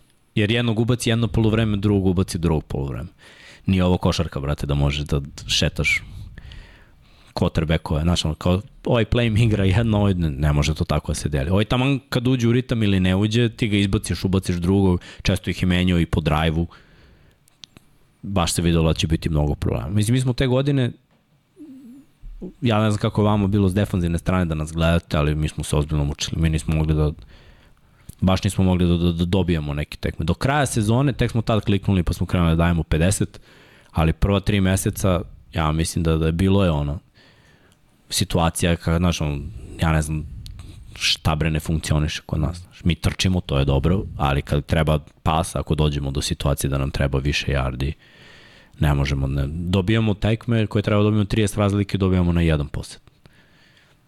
Baš je bilo, baš je bilo ne, teško. Bilo je, bilo jako teško u odbrani. Jer su nama otišao je Malina. Malina, otišao... Malina je institucija. Ne. Najbolji Ljuba. defanzivni linijaš ikada na ovim prostorima. Da. Ljuba je otišao. Bio je Ljuba 2015. 16. je otišao. 16. Da, da 15. je bio. nije bio tu? Neko još jako bitan nam je otišao tada. U odbrani. Hm. Nećem se. Ima negde roster neki? Nema. Ma de, da se setim rostera. ne znam, svakako zna da smo bili jako tanki. Ovaj, Rej, s Malinom smo izgubili 2-3 seka po tekmi i 10 pritisaka po tekmi, jer ono, ti ne bi verovao šta je to. To je čovjek s planine. To se tek videlo u finalu opet. Da, u stanju da pomeri traktor, ono, rukom. jer, jer jeste. da. Seđe, pričao sam tu neke anegdote kada dečko došao prvi put bre u teretanu i ušao za 100 kila, krenuo si igrao sa 100 kila. Ja rekao, mislim da je on 100-120 nabacio, ali nabacio ga ovako. Kontra biceps. bez, bez ikak tek samo okrenuo ruke. Ja rekao, od čega si ti pravljen, brate? Nerealno. Dobro, on je otišao, mislim, gledaj, on je posle bio u Nemačkoj, u Švedskoj, svuda da je igrao, imao najviše sekova u ligi. Znači, dečko je otišao u Ameriku, sad je u Americi, ovaj, tamo isto probao da se nekako uvali na neki kamp da proba. Jednom ću ga uključiti da, da i on ispriča svoje, ovaj, to mi je žao. Eto, možda, možda je kasno se sve to desilo za njega, on je 88. Mhm. i da je bila priča kao nešto danas, da čovjek, čovjek bi da, napravio. Sigurno Sigurno. Ona me falio dosta, mislim da je Lazo otišao kao, kao safety, da smo bili malo mm. onako šupalj ovde, šupalj onde, malo po malo, ali vi ste bili bolji deo tima, mislim, do kraja, ono, posle su se desile neke povrede i ovamo i onamo da. i niste imali ni trenera, opet i, i, i to je da, mi isto ove, ovaj čovjek je bio fokusiran samo na napad i mi kad smo kliknuli taj napad, tad je već ono bilo, ok, sad se ukrenulo ta odbrana koja nas je držala sve vreme, sad ono postaje onako mali problem protiv opasnijih ekipa. Jedna loša sezona za nas. Ja tu 2015. onako pamtim kao dobru godinu, to je posljednja godina Nadi, finale Euroligije si igrala na, na Voždovcu gore na stadionu, na krovu. Tu sam, brate, počeo treniram futbol kao dete. To je prvi sport koji sam trenirao kao s loptom na Voždovcu tu, posle toga digo se stadion gore, tu sam išao u školu preko puta, razumeš, došli od ortaci, Ćaleke, svi na tribine, ja rekao vrh, mi dobijamo London u polufinalu i sledeća utakmica igramo protiv Karlstad. I, ne, kako se zove? Da. Crusadersi. Da. Crusadersi. Brate, opet quarterback od 2 metra. Ne možeš ništa. Ne možeš ništa, brate. Da, imali su running backa isto neko ko da. nerealno. Oni su dali da touchdown svaki napad. Da, svaki, svaki, svaki napad. Nikad nisam gledao tekmu da jedan napad da touchdown svaki napad. Sve su, ono, još, ja sam čuo ovog momka, on je nešto, 2 metra, receiver, mm -hmm. ruke, ono, on, kad se, on ima ruke od 2.10. Nerealno. Gde god mu ubaci, on mu ubaci na spolja, no, ja sam njemu u telu, ali on samo ispruži ruku, on je hvata. I jako brzo. Ove, da, mo, sve je bilo. Svaki play su dali, svaki, svaki drive su dali touchdown. Svaki play je bio skoro uspešan play. Znači, gledaš ono, ali mi smo bili u fazonu napad, ok, nema veze, da, da ćemo mi. I ono, držali smo Bile, se tu negde. Mislim, mi smo im dali 50. Na kraju taj njihov defanzivni coach nam je prišao svima, pružio ruku i bio u fazonu, prate, ono, vi niste odustali, kao, znaš, svaka čast, kao mene to loži, kao to je dobar mentalitet i on je sledeće godine došao nama da bude defanzivni coach. Jer je ono bio u fazonu kao, brate, kakav vi imate mentalitet. Mislim, bilo je, mi smo imali taj jedan interception i tu su oni napravili dva posljeda razlike, tri i posle toga nismo mogli da, ali ono, rekli, ajde, bar nek ne zapamte, brate, bar ćemo da ih prebijemo. Da, ali smo, ovaj, ona utakmica prebila, baš dobro. Da, London s Londonom, bio, da. To meni bilo baš super utakmica, tu sam ovaj, imao jako dva lepa pika. Baš sam imao na kraju pik, ono mm -hmm. minut, minut i po pred kraj. I to mi je baš bilo jedno možda od uh, najvećih onih uh, poteza karijere. Ovaj, bolje da kažem. Da, obe utakmice na TV-u, sport klub da. je prenosio to. Znaš, bilo je lepo, na, na nama je to bilo kao okej. Okay. Mislim da smo bili svesni da neće biti da nećemo osvojiti, jer što nije izgubio tekmu te godine. Niko im nije dao 20. Mi imamo drugare koji su igrali s nama, koji su igrali u Švedskoj. Niko im nije dao 20 poena u sezoni. Ovo što smo mi dali 50, mislim, a nije da se nisu trudili. Safety-a smo im povredili Toni da. kad mu pokido dečko prednju ukrštene. Znači, sećam se, jer sam napravio ključni blok tamo, radili smo onaj sweep, mm -hmm. jet sweep, gde je on uzeo loptu, jak svog kornera u out i on izađe jedan na jedan sa safety I da mu, razumeš, samo fintove kako je se ukopao ACL. On si vidio. Žira, ja guram i gledam ovamo i vidim kako ovaj pada tačno. Znam i vidim Toni Livada. Toni Livada jednako touchdown. I onda krenem da ga jurim do kraja. I razmišljam, tu sam mislio da još imamo šans. A onda njihov sledeći play, biš, touchdown je rekao, brate, će ovaj da stanu nek. Ali London je bila dobra tekma. Bila egal tekma, tvrda i, i videlo se da smo bolji od njih. Znaš, meni je delovao kad sam video one tolike tamnopute igrača, rekao, brate, možda će ovo da bude problem, ali nije bio problem, brate. Mm. Bilo je, bilo je ovaj lepo. Mislim da su oni sebe zetnuli dosta, oni su menjali quarterbackove non stop. Mm. Oni su, mislim, tri quarterbacka. Na utakmicu? Da, da, da, da, samo su rotirali nekako, tako da... Tačno ono, ne, ne, mislim da je taj quarterback što je bacio posle interception, on je tada ušao taj drive. Mislim, igrao je ono tog, tog da, utakmice da, da. nešto, ali ne možeš to da radiš. No, to su bile i naše greške, mislim. Mm. Mi smo se tek na kraju, ovaj, smo počeli to da radimo i onda, ajde, ajde kažemo, neslavno smo završili tu Euroligu, ali nam je ostalo ono, cefalo i domać. I ovaj, tu smo išli u Sloveniju, seđeš ono provale oblaka.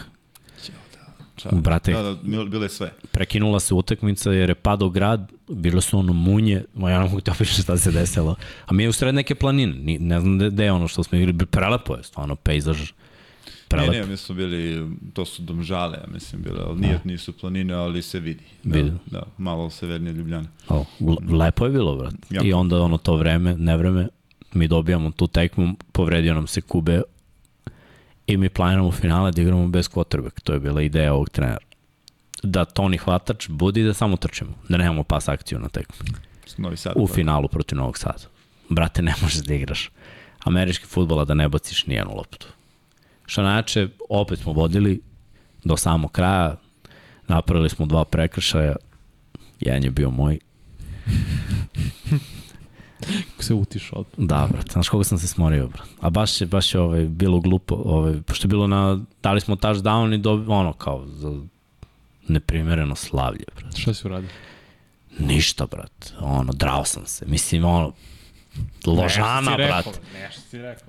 Zato što prethodni drive, prethodna akcija u stvari, dva, tri puta lik nas vraća sudija za ono, metar dva, razumeš? Sve vreme nas čovjek vraća, ne postavlja loptu gde treba. I, ovaj, i tu uzmemo i, i, i damo touchdown, razumeš? Pritom, jako je teško igrati protiv ekipe koja zna da ti trži svaki play, razumeš? Njima je devet igrača u boksu. Mene čuva korner 10 yardi off, ma ko ide 10-12 yardi off. Če kažem, Toniju, samo je šikni bre sa strane I ono, on ne može tehnički da stigne jer nema linebackera unutra, ono, skroz u boksu. Ja ću 3 jarde da uzmem sigurno, razumije se, borimo da kroz boks uzmemo 3 jarde koje imamo s polja. I kažem treneru, Znaš, ali on nije to da uvaži ništa, on je baš bio u fazonu, ono, kako sam ja zacrtao, to će biti. Highway, da. Tako je. I on, znaš, ono, prestaneš i da priš. Jer je Marija benčovo. Da. Da, da, da, da. Ne, on je, on je hteo mene da benčuje za, da. za London. On je čovjek bio u fazonu, znaš, pričaš proti, ono, kao, da, sedi na klupu. I ja sam bio u fazonu, znaš, ne mogu da uradim ekipi to da ja sad njemu tu, znaš, džabe. Gubim svoju energiju, nerviram se, a ništa neće se desiti. Razumeš, to kad je Marija Benčo, to je bilo u Istanbulu. Za, mi se ne bi ni plasirali na tu ligu šampiona, on je benčo jednog dečka, bio u fazonu da benčo drugog, quarterbackova je menjao, znači oni su obojica bacili po četiri interceptiona, i David oh, i, i Miles. Dok na kraju, mu ja nisam ono, predložio, znači morao sam da danas ono, biram reči da budem ono, coach, mi već imamo dobru taktiku, ja sam ono backside, čuo me čovek off, sve vreme treba trčim slant. On igra ka, cover 3, mislim, ja uhvatim taj slant i to je prvi down. I on kao, dobro, ajde vidjet ćemo. Jer smo mi gubili prvo polovreme od Istanbula, brate, ekipe koja samo trči tos, bukvalno. I kad smo krenuli da se povezujemo, Miles i ja na te slantove, pređemo mi jedan teren, damo touchdown drugi put i onda je skapirao ono kao, ok, ajde malo spredić, ajde malo ovo, ajde ono. I tačno sam vidio u ovoj tekmi, ja mu isto to kažem i ne, nije, nije prihvatio. I na kraju taj sudija je bio u fazonu, nije touchdown, Josa, brate, prenuo loptu metar preko linije. Ja ga gledam, znaš, sledeći da mi damo, ja ono si osam, a, rekao, si video da je touchdown? Ili... Zato si dobio. da. Nisi ja ništa rekao. pa nisam, ja sam rekao nešto ružno. Rekao si, no, dobar mu je uvod do toga. Da. Da, da. A Tome je dobio za ono udaranje posle pištaljke. A Tome, brat, koji je ono, ne, ne može ti, on je Ložana isto, znaš, igra do kraja. Da. Igra do kraja, ja mu jednom kažem, znaš, već si ga čukno jednom ili dva puta posla, znaš, nemoj. I mi uzmemo prvi down i on pap.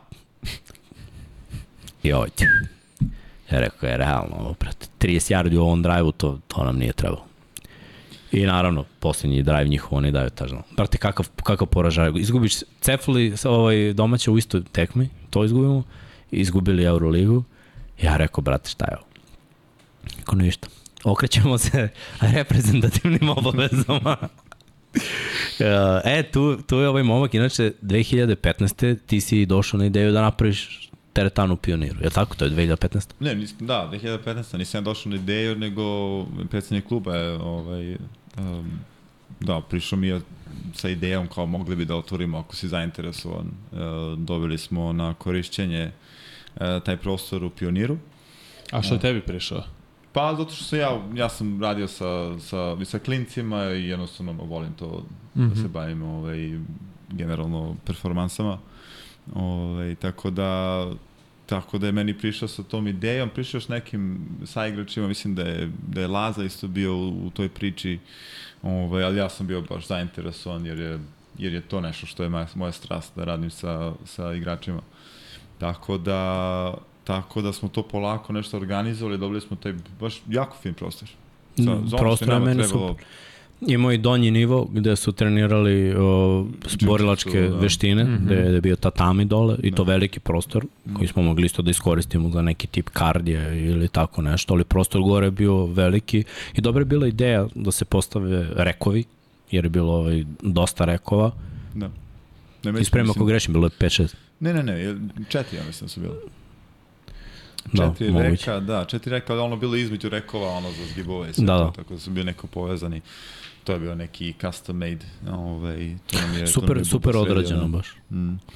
Ove, jako lepo to, napravili smo neke, nabavili smo neke tegove, pa posle toga ovaj, isto bilo još malo uloženo. Um, da, mislim, ja baš vidio taj potencijal, pa sam se ja ovaj, dogovorio, pa smo, pa sam ja sa, sa svojima ovaj, ubacio još neke tegove uh, koji ste vi poznati. Da. To su oni tegovi koje Vanja nikad nije vidio, a jednom je bio pozvan da treniramo napoju. Ove, uh, da, ne, to je bila priča lepa zato što smo isto imali dosta igrača koji su ovaj, neverovatno napredovali tu jer se videlo baš uh, želja da, da, da naprave novi nivo jer to mislim ono što je falilo da imaju neku um, neki plan uh, treninga i pritom su dosta radili na, na terenu. Mm -hmm. uh, naprimjer, Maxa, Maxa je tu no. Da. te godine je on, pored toga što je fizički napredovao, drugo, on se stvarno posvetio toj poziciji da razume, da razume kako se igra taj, ta pozicija linebackera, kako se čita, šta sve znači, da razume druge pozicije. Jer do tad nije bilo, uh, jer pogotovo ta 2014. to je posle 14. je bilo teže bez trenera. Ovaj, niko, nikoga nije bilo da mu pomogne, tako da je morao sam. Ovaj, tako da uz tu kombinaciju treninga u, toj, u Powerhouse.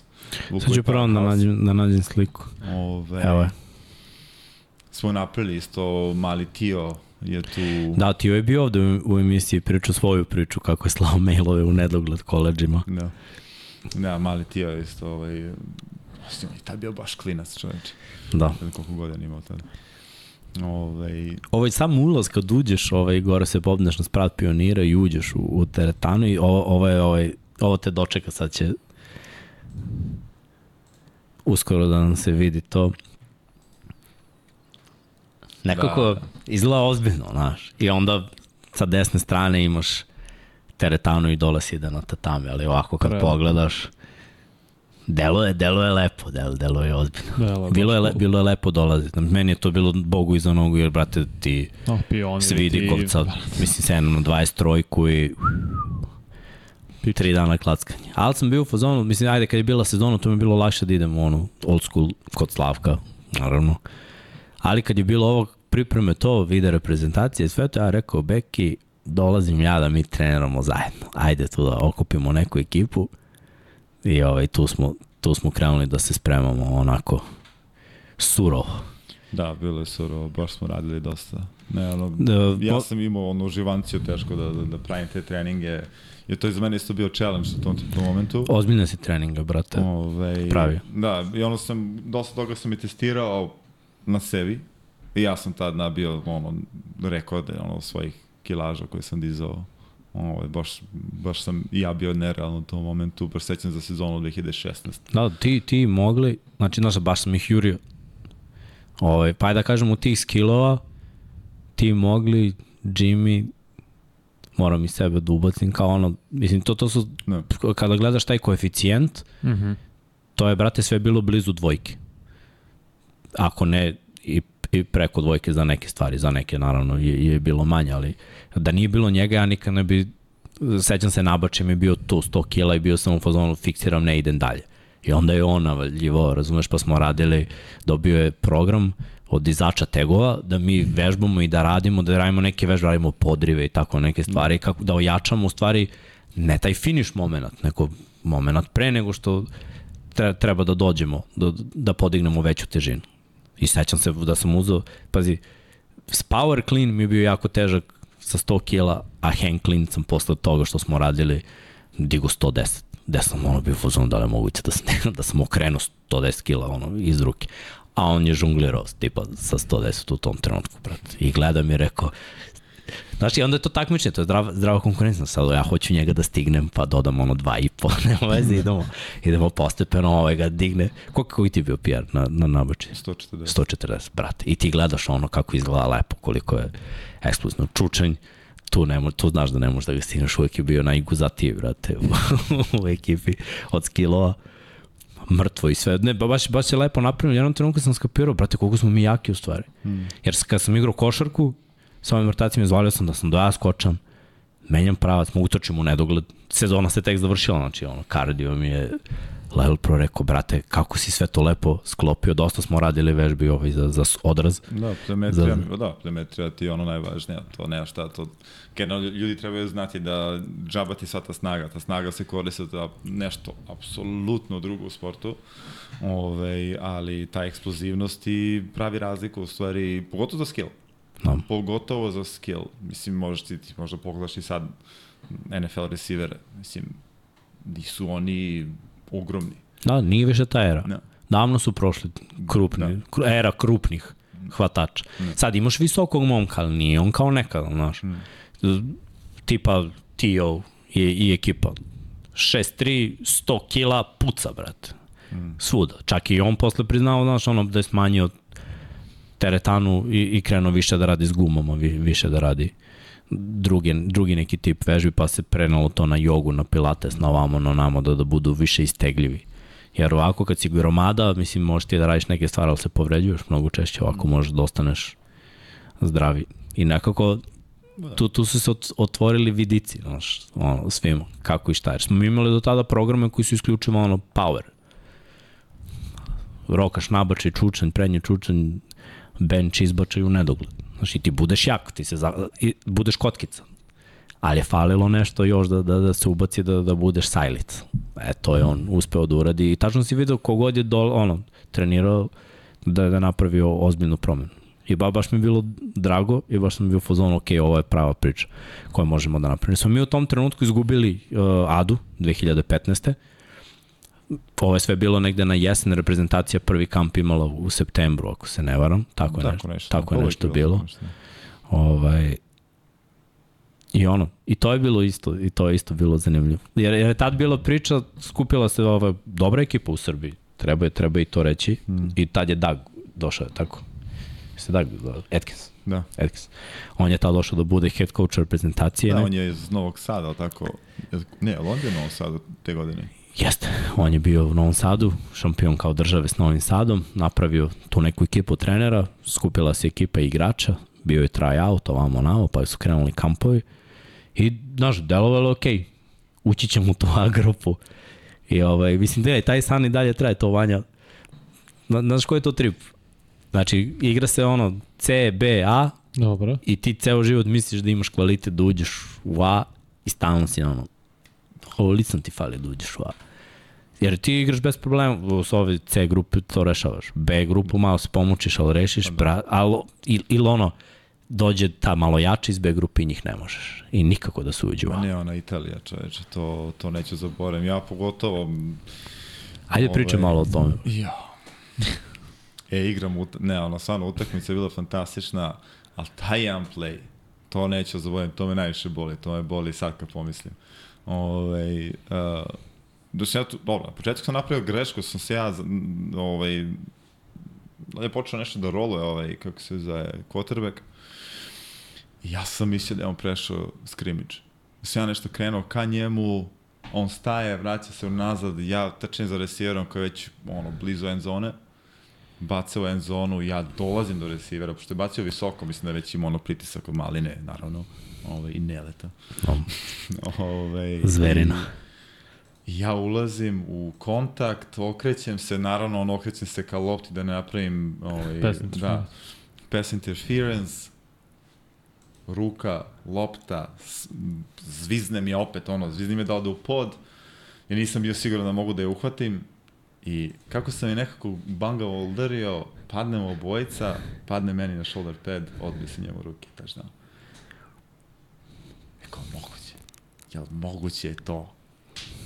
I to nam je bio, mislim, touchdown koji je... Rešio. Koji je rešio, koji je rešio da, da oni ovaj, da osam, to je pobede. Ma, izgore, ono, otišao na klupu. Htio sam da polomim pola klupa. Pa kako da ne polomiš, bro? Ali uvek je, znaš, jesi izvalio koliko smo imali tih završnica. Mislim, gledaj, mi smo i dobijali u takvim završnicama. Mm.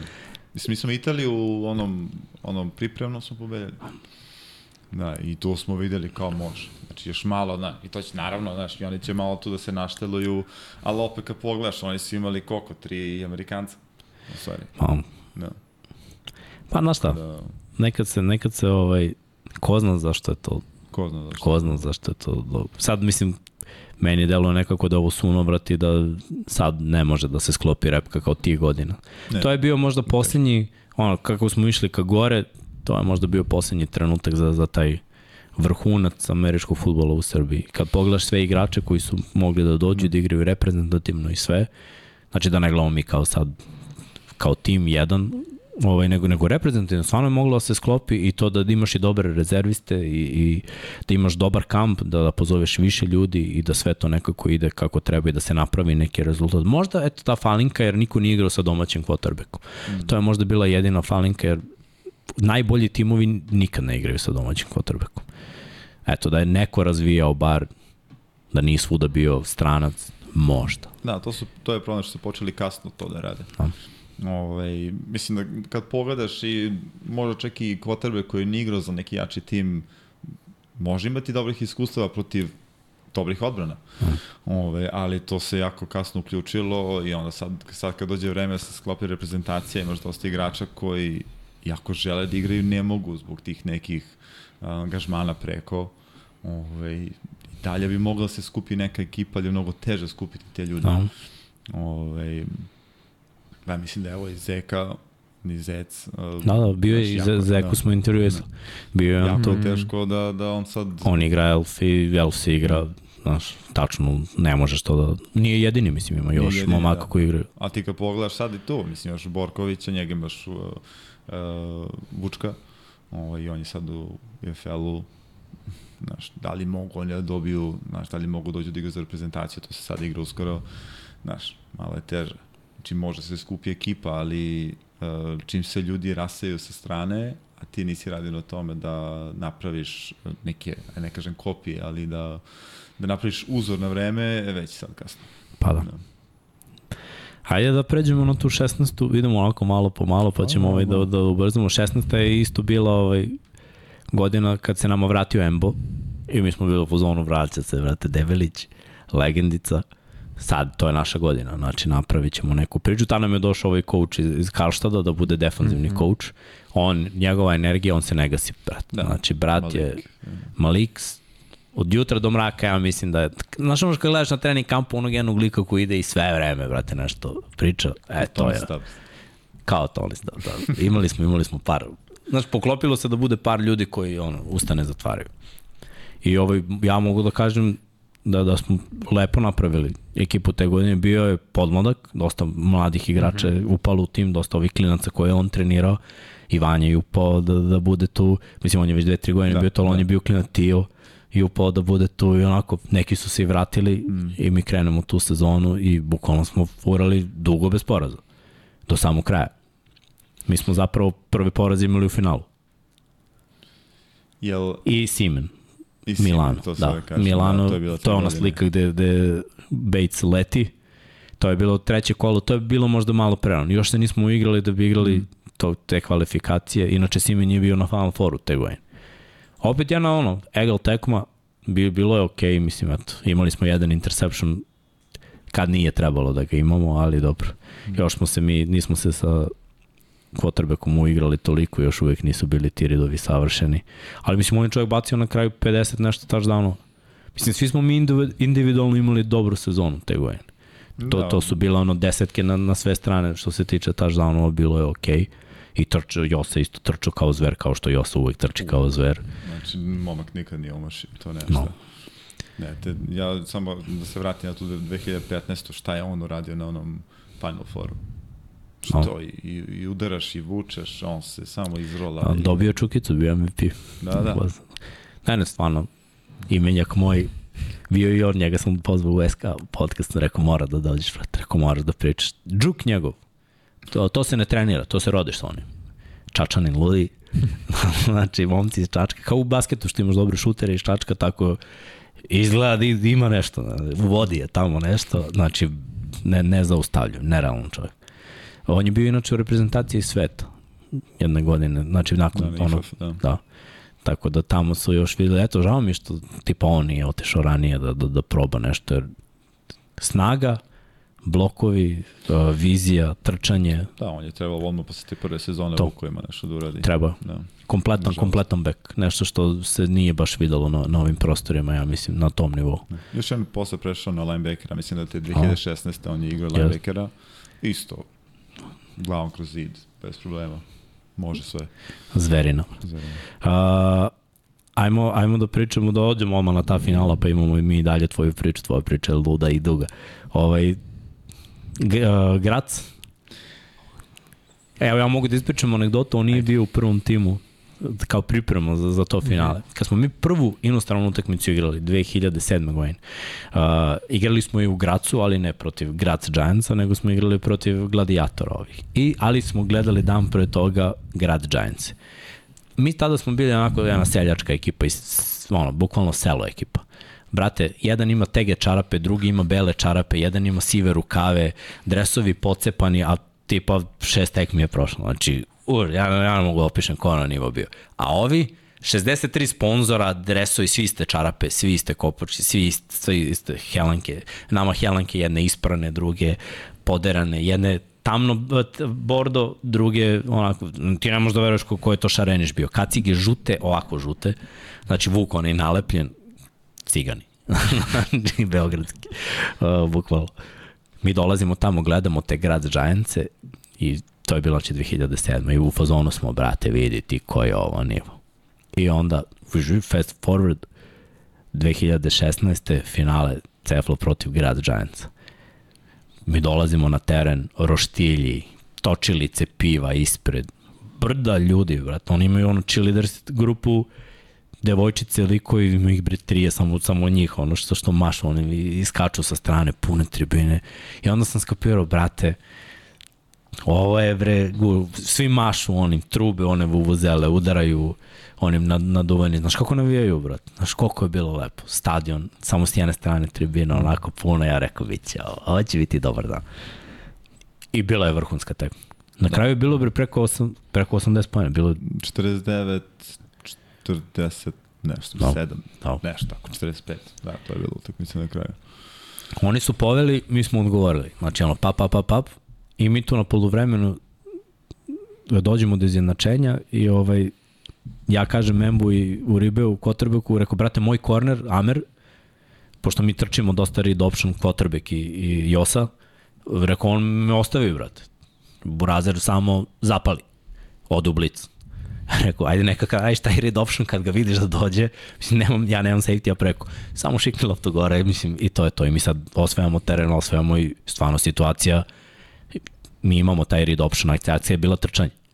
I u ribe kako je digo, i moj korner pš, u blic, i ja, brate, sam kao duh. I on me posluša, boc, preko, damo taždan, povedemo jedan, odbranimo se, povedemo dva, ja rekao, brate, mi rešavamo grad Giants. Do kraja, ja, brate, do četvrte četvrtine sam bio ubeđen da nema šanse mi da izgubimo tu tekmu. I oni su imali nekog hvatača, nekog dvometraša. Da, da. Isto neki klin. Kako je bilo, brate? Ti si često naletao na te, možda si najbolji, mislim, ko ti šiša. Uvijek si morao da, da čuvaš ove da, da, imam, dvometraše. Imao sam, ja sam uglavnom bio na levoj strani, ovo, ako biram stranu, ja sam bio na levoj, Jeff je bio na desnoj. Ove, ali kad su bili neke utakmice, onda su me, da, onda sam bio lock. Tako da, ne, momak je bio, nije bilo problem da budem pored njega, a samo da mi ne uhvati loptu. E, onda čak je bilo rvanje s njim, teško da, da, da ga uhvatiš iza noge, nemaš opet, noge su ogromne noge ima, ne možeš da ga obuhvatiš, Ogroman ne možeš da, da ključaš. Mi taj tendon nismo imali veliko kao njih, taj njihov hvatač što je bio. A pritom nije on nešto mator, nego da. mladi igrač, hmm. samo strvina. Jaka strvina, da, tako da Ali, mislim, uvek nađeš rešenje za tako neke, nije to bio problem, nego uvek je bila prva četvrtina za mene. Da, čet, prva četvrtina nađeš, dok nađeš kako da igraš proti njega, i onda su posle počeli da, da paciju nešto kraće na njega, više nisu dugi. Dakle, da, generalno meni nikad nije problem sa dugim loptama, nego, nego kad je kraće nešto, ako me uhvati na pogrešnu nogu, na pogrešnu stranu, ja da mi izokrene, ali ovaj, naravno, posle me iznutra, razumeš, neko uhvati on pet, Znaš, ti će naleti. Samo mi je dovoljno malo da ga zadržim, razumeš, da dođu ostali. Ove, tako da, nije... Da, početak je jako težak s njim. Na to, mislim, svaki beta, svaki takav igrač. No. Ne možeš da izmučiš se čeče. Mislim, imaš takve igrača, pa te onda staje posle nekog malog shiftija. Ono, to ne može da se prilagodi. To je... Pa mislim, ja mislim da su mi manji, manji teži. Jer opet, meni je lakše ako imam, imam bump, mm -hmm. ali te manje, mnogo teže uhvatiti na bumpu i ima jako o, brzo promenu pravca i samo ti izađe z leđa i sam, op, gde? Okreneš se, glava na jednu stranu, kuku i na drugu stranu i onda ajmo vraća to. Tako da do tad je on otišao, ukotio loptu i izđukovao još safety-a i dao touchdown. Tako da, generalno, lakše mi je bilo s većim igračima, zato što su više pred, predvidljivi. No. Ove, ovaj, manje, manje stvari koje mogu da rade ovaj, za razliku od manjih. Tako da, okej. Okay. Bile muka, da. Par puta sam se kačio na njega, vuko me momak, ovaj, malo me bacao tamo na stranu, ali dobro, da, snađeš se. Tako da, ali ovaj, na kraju utakmice nije, nisam više imao duela s njim. Da. da Brate, na kraju utakmice mi smo dobili tekmu, znači ovaj Kube je bacio interception. Pre Nama je safety bio pre toga, pre toga. Pre toga sam ja uhvatio interception. Da, to je bilo možda dve akcije pre toga baci, uh, ništa, fade klasičan već u end mhm. zoni, mm -hmm. ja tipujem loptu i padam i hvatam loptu. Uh, sudija koji je meni iza leđa, koji ne može ni da vidi da mi je lopta, uh, svira kao incomplete. Pa. Da sudija koji meni stoji ispred facija, što je bio baš mid, uh, kao hvatanje, interception. I oni se dogovaraju kao incomplete. I tu, polud, tu smo baš poludeli. I onda je otišao... Dve akcije kasnije... U ribe. Došao Kube da igra safety-a, pritisak, ovaj baca bum, ono, balon, znaš, lopta leti 5 sekundi, znaš da ništa dobro neće se desi. Mi interception, rekao, sad je gotovo, izlećemo svi na teren. Rafin do Pester, brate, posle dodavanja 15 yardi kazne. Brate, ja gledam, je moguće ovo, brate. Pritom ono, ja sam ga zacrtao da je to to. Ta tekma i, i ćao zdravo.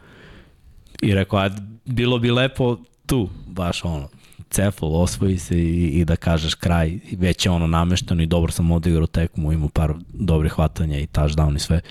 I brate, oni sviraju to i oni imaju jednu akciju i daju nam touchdown i mi iskupimo, brate, tekmu. Ne, daju nam touchdown, oni su nas pobedili na konverziji. Pa mogli su nas dobiti da su šutnuli samo, ali dobro, dobro, ajde. Da, oni su da. išli za dva, ja mislim. To. Mislim da je to bio čak. Da je bilo 4 pojena zapravo. No. Da ne, koliko je bilo? 49, 45? Ne, ne, možda no. je čak i bilo 48, ne mogu se setim.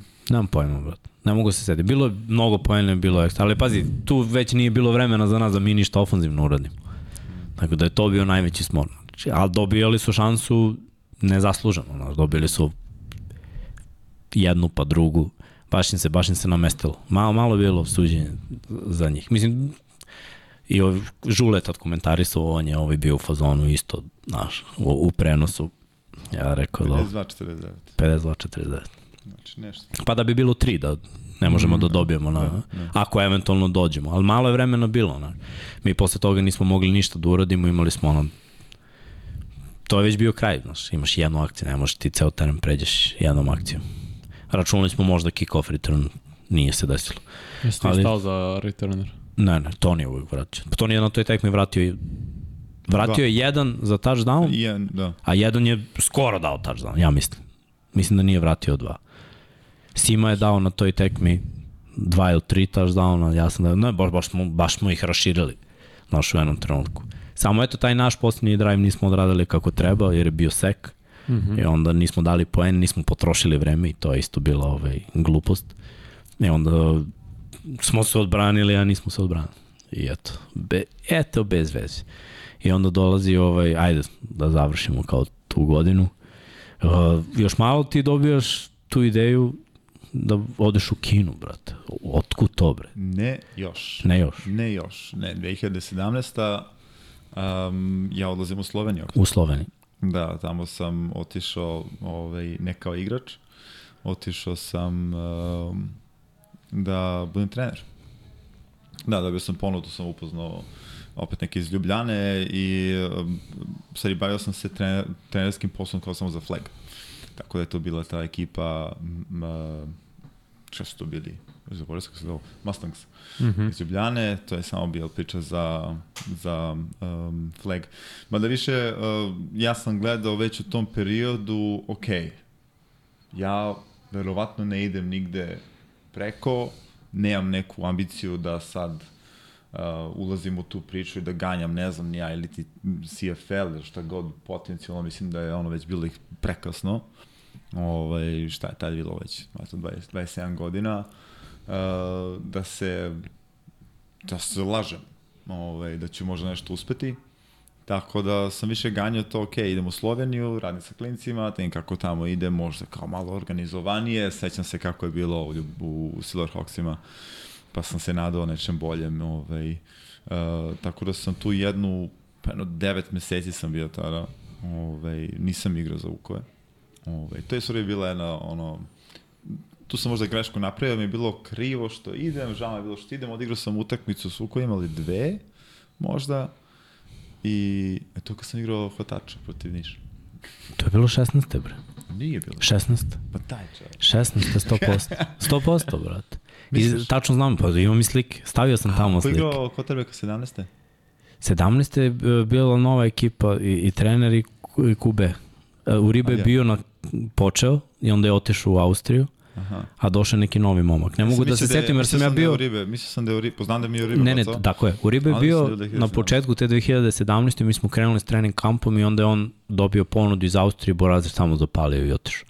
Poslao mi poruku, ono poslao svima kao izvinio se nešto, stavio nas u grupu tamo. I sad, naš, ja sam već bio u fazonu, nisam teo da igram, ali sam se ono kao vratio jer isti QB, druga godina s istim QB-om, hmm. mi smo na treninzima, ono, ti ne možeš da veruješ to je kad me Relja sa MVP od preko ove godine, kad je ostavio kacigu na terenu, kad nisam poginuo za malo.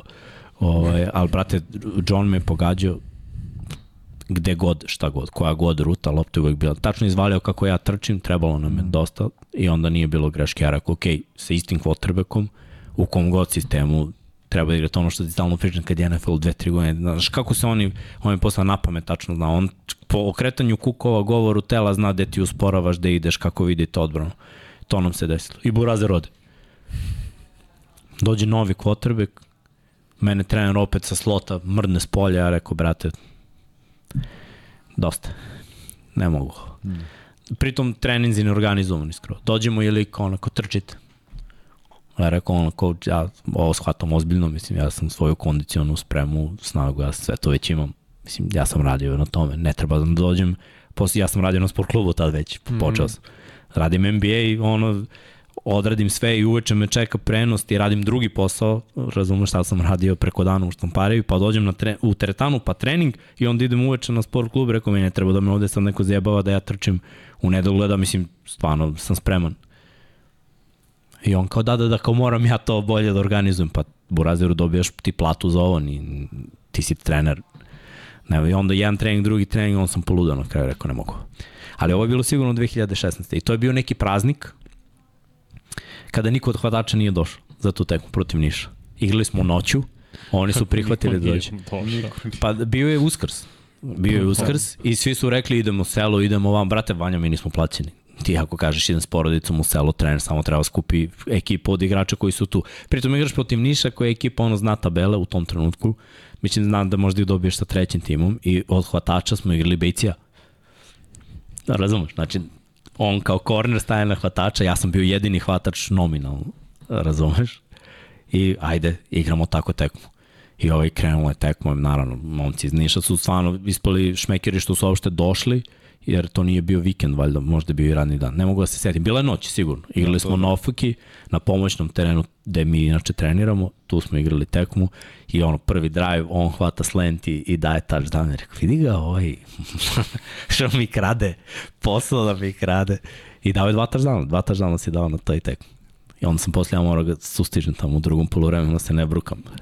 Ali, ovaj, ali bilo je vrh. A mogu si igraš kornera? Mogu, neka. To samo u tim prvim sezonama i nikad više.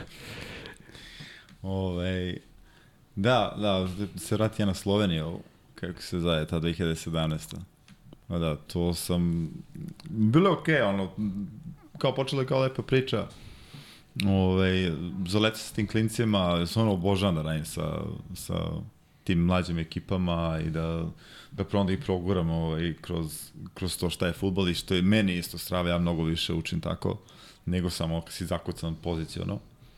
Ove, tako da, eto, nažalost nije mi to uspelo, zato što nekako ima samo nesuglasica sa predsednicom kluba, Ove, tako sam rešio posle tih devet meseci da se vratim. Mm -hmm. Ove, da, vratio se u Srbiju. Ne znam tačno kad je to bilo, da je nešto kraj uh, da, kraj 2017. i onda sam odmah otišao i nastavio sam da radim kao trener uh, u Orlovima, Novi Beograd Orlovi. Tako da sam to odradio jedno 5-6 meseci posle, to mi isto bilo jako veliko uživancija da se ovaj, um, malo sastavi ta ekipa, on, ne mogu setim koje su to uzrasti bili, dalje je bilo u 9 i u nešto, u 13, 11, ko, ko zna koje su to ovaj, brojke. Ovaj, tamo smo radili neki par turnira, to je sve krenulo nekim dobrim uh, putem i to mi je baš drago što sam uh, bio deo toga i što, što su sa mnom i predsednik kluba što je prepoznao potencijal mm -hmm. uh, ekipe i onda smo posle sve Aleksa došao, no. Da. Denović.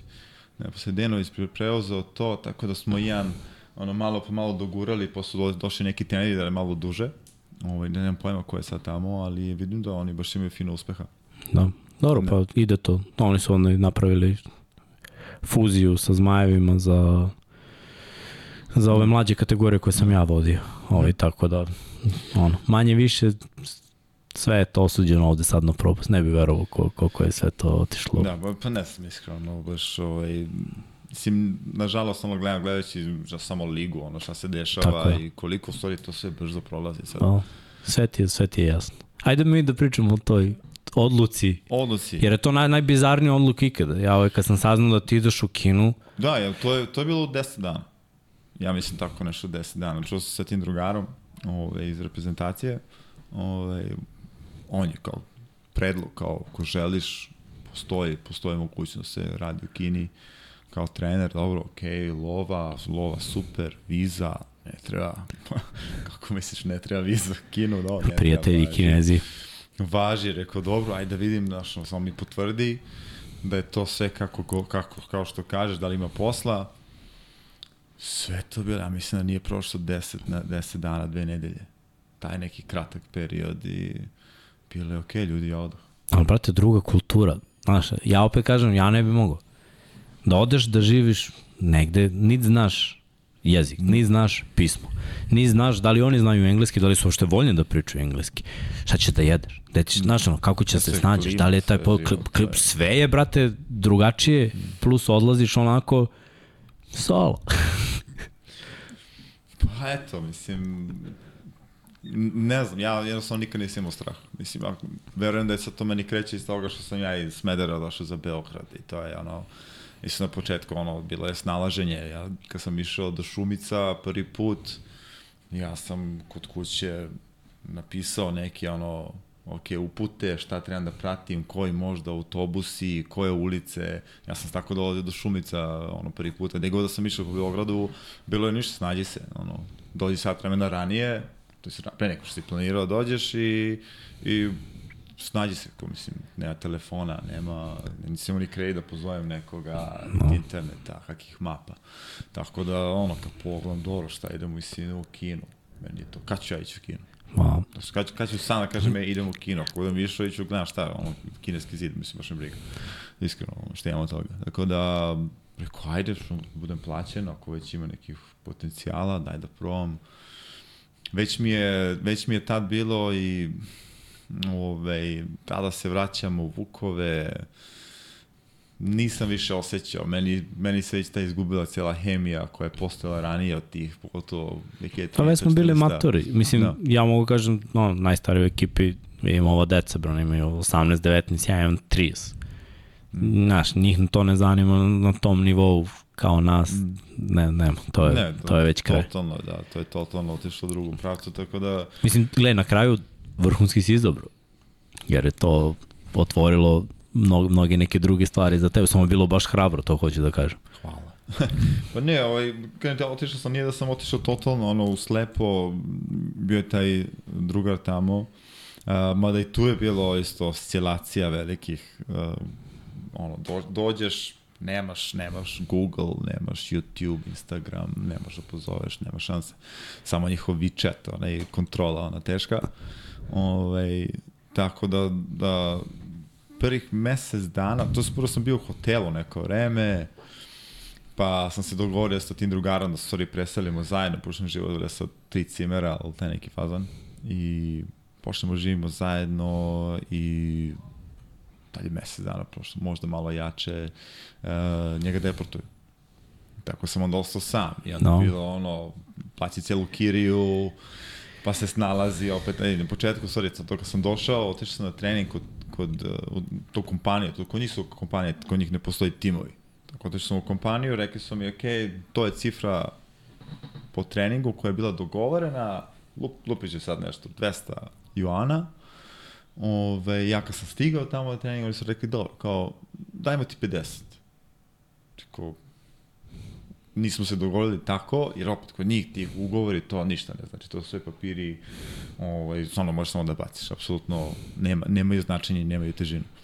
Ovaj, um, tako da su oni mi rekli kao, dobro, da vidimo prvo tvoje znanje futbala, pa da vidimo tvoje znanje engleskog, rekao, nećemo to.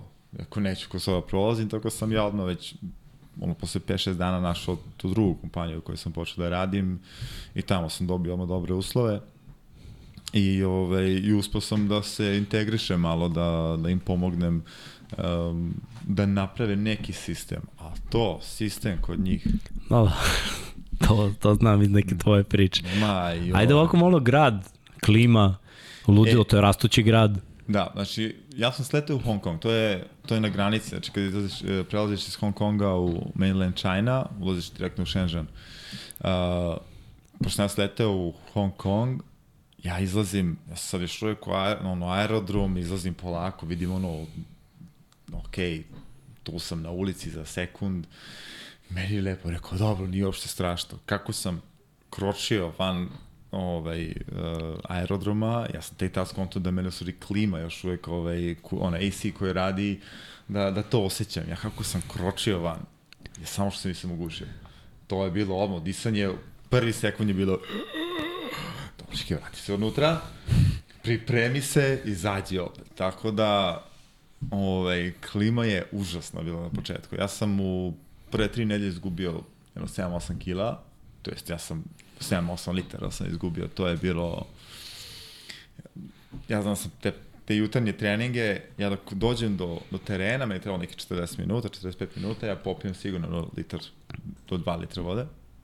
A, tokom treninga, koji je sat vremena bio, popijem još jedno litar, dva, i dok se vratim, popijem još jedno 2-3 litre.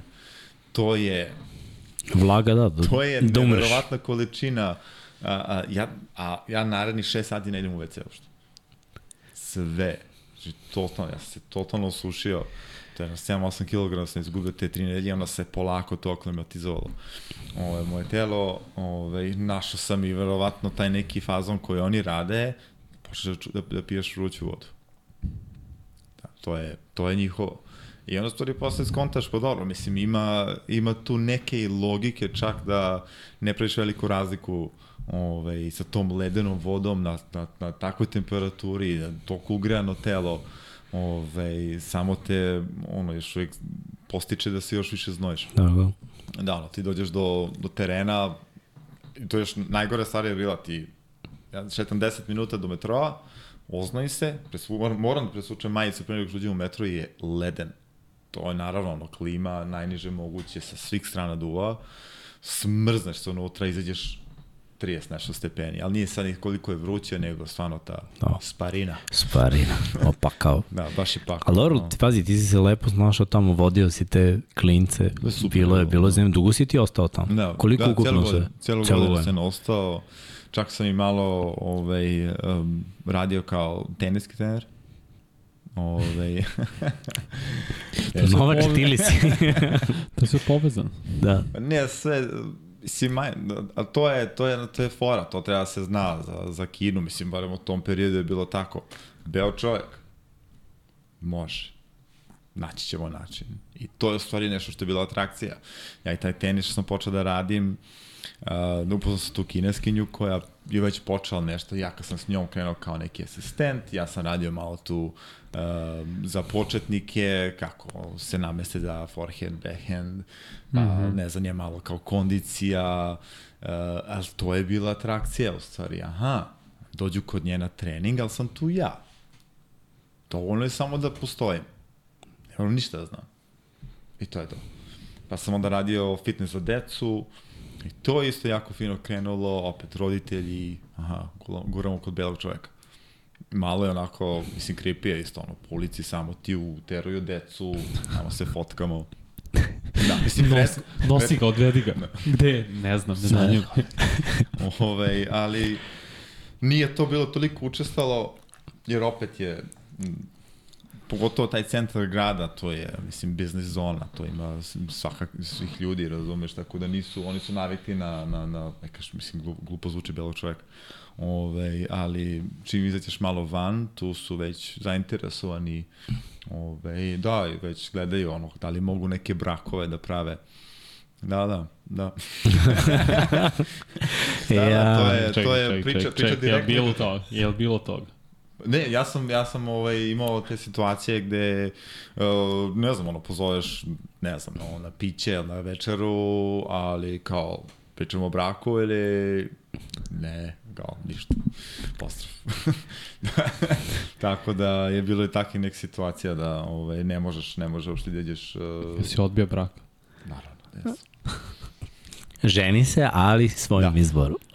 Ženi se po svom izboru. Okay. Uh, ajde, dobro, pozvao si pozvao si posle i Vanju i da. Milana Ove, da ovaj, dođu. Oni da, su pa, isto bili pa, tamo. Nedugo, nedugo posle, uh, nakon što se da je dečko bio ovaj, deportovan, pošto meni je ostao još jedna osoba u stanu, ja sam uh, sa kompanijom vidio da li tu postoje mogućnost za Vanju. Ovaj, to izgledao sam ko je zainteresovan bio, Vanja je bio definitivno zainteresovan i pa ne znam da li roku mesec dana on je, on je došao i to je stvarno bilo ono, stvarno smo uživali tamo. Mm, to je, bilo je dobro, bilo je dobro stvarno pričati sa nekim, uh, pričati sa nekim ovaj, na svom jeziku, jer uh, jako je teško bilo komunicirati sa, sa kinezima, uh, u kompaniji si imao nekog, ali opet i oni te ne razumeju najbolje, i tako da mi je sa Vanjom bilo strava. Ispričaj o izlasku i ulasku.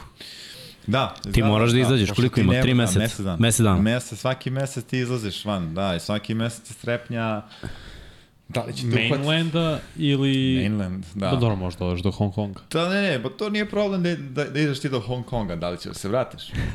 da, jer, uh, mislim, nemam pasoš ovde sad, ali to su ono, četiri strane, samo crveni pečati, pap, pap, pap, pap.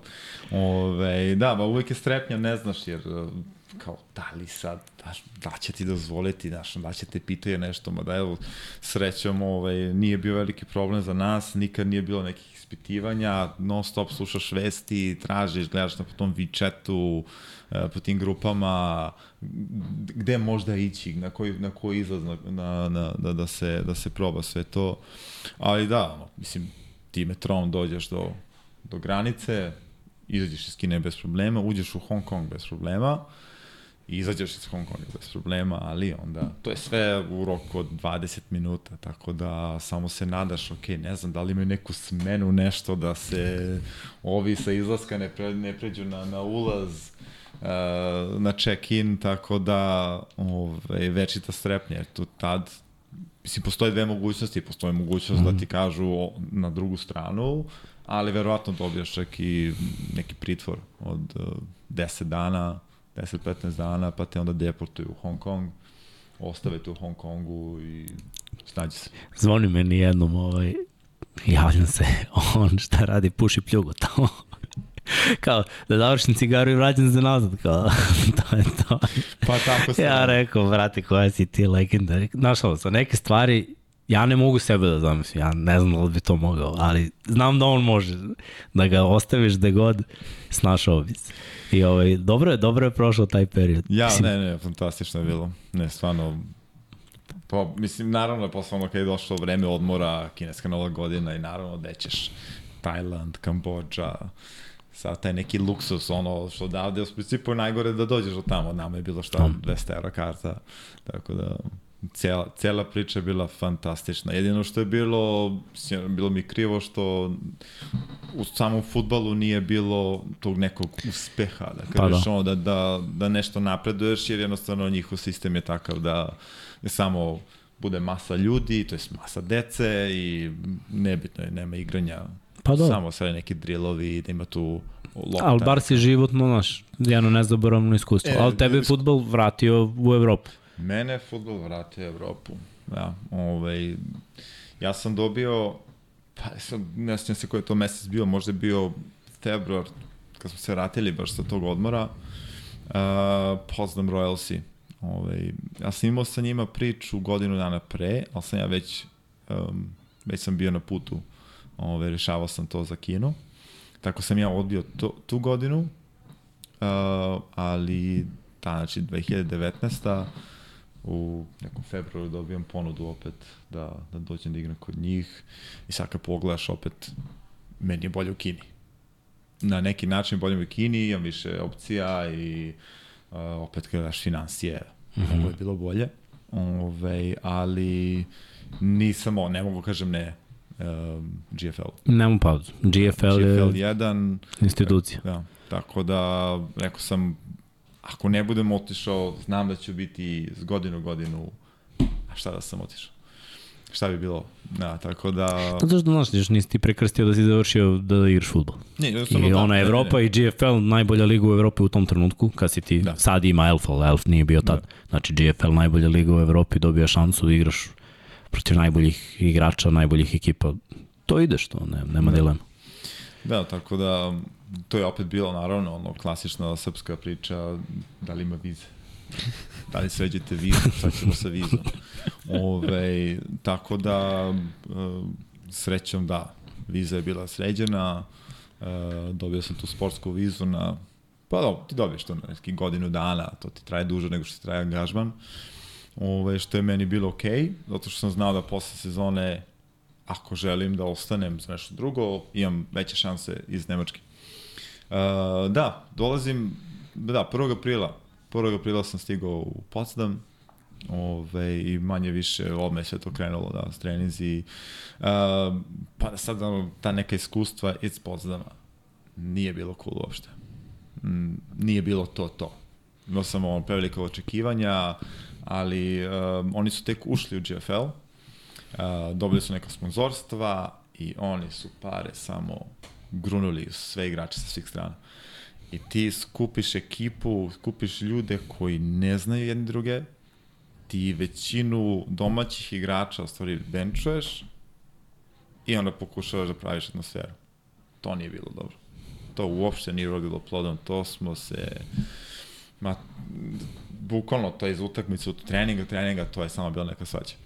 Tako da, meni je kao igraču, to, to što sam ja radio, meni je bilo super, meni je to bilo iskustvo, još pogotovo što sam imao to cimanje, ja sam došao kao cornerback, ovaj, i odigrao sam utakmice, znači radio sam taj ceo pre-season kao cornerback, fantastično se uklopio, trener kog smo imali, uh, defensivne bekove, fantastičan je, stvarno je radio sa nama uh, u detalje i, i tražio je ono što generalno bi trebalo trener da traži.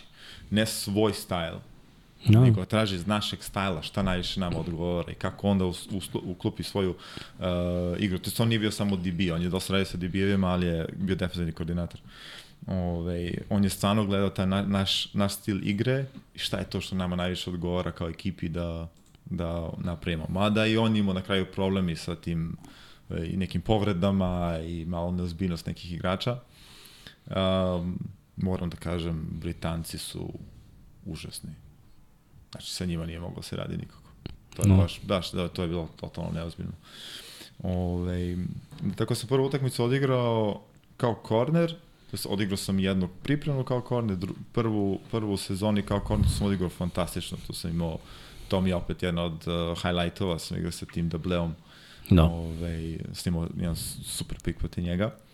Ove, to je ona jedna od onih fotki što je bila ranije. Uh, I I ono posle te tekme smo, smo me prebacili na safety-a. Što ja nisam baš razumeo zašto. Um, imali su nekog drugog kornera koji nažalost nije radio posao i a imali smo solidne safety-e. Smo jednog momka iz Finske koji je baš bio ubica.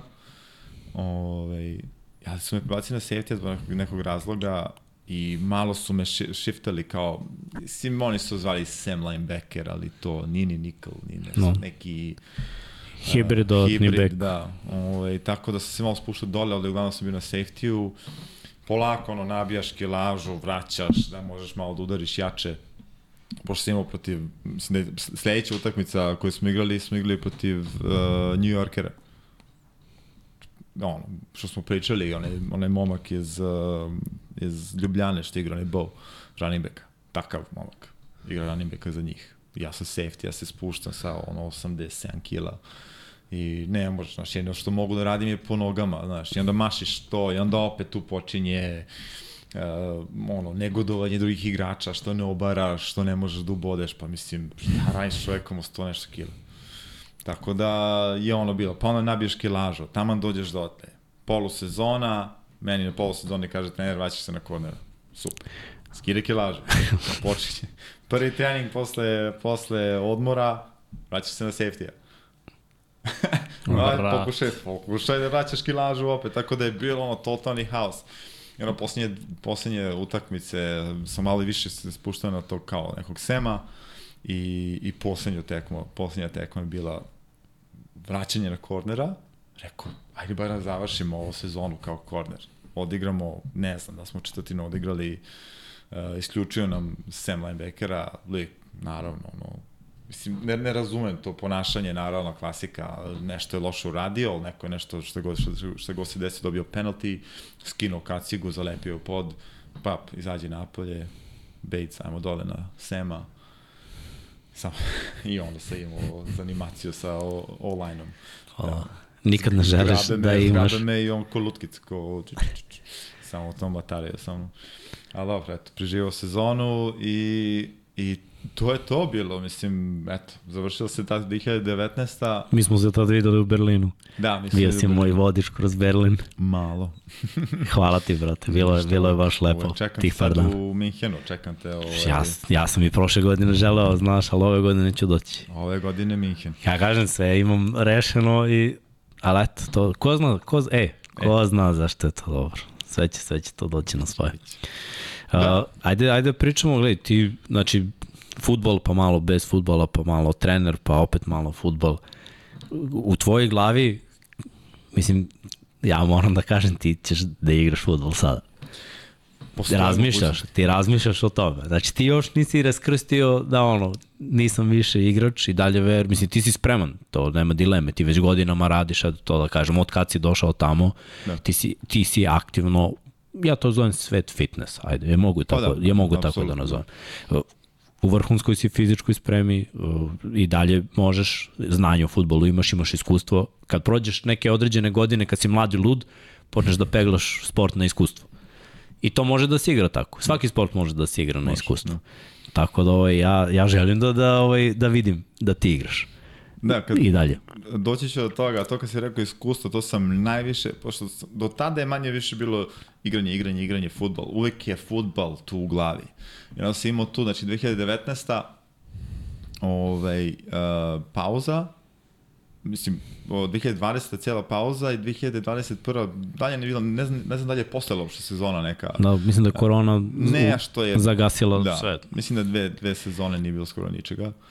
I onda smo igrali, onda sam igrao za reprezentaciju no. protiv Austrije.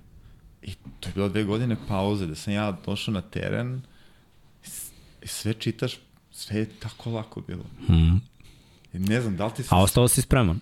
A, da, Osi, jer, si, jer si trenirao i radio. Mislim, da, zahvaljujući da, da, tebi... To mi, je, to mi je i posao, sva sreća i posao je bio, tako, uglavnom ljudi kao a COVID i svi ono stomake, ali eto, ja sam ono u sportu, radim, bavim se fitnessom i uvek je bilo za mene, ovaj, hteo ne hteo i dalje sam radio na sebi, tako da fizička sprema je totalno ono ostala, ali iskustvo Igra se usporila. da, I onda vidiš u stvari, jeste to bila reprezentacija Austrije, ali jako, jako su bili laki za čitanje.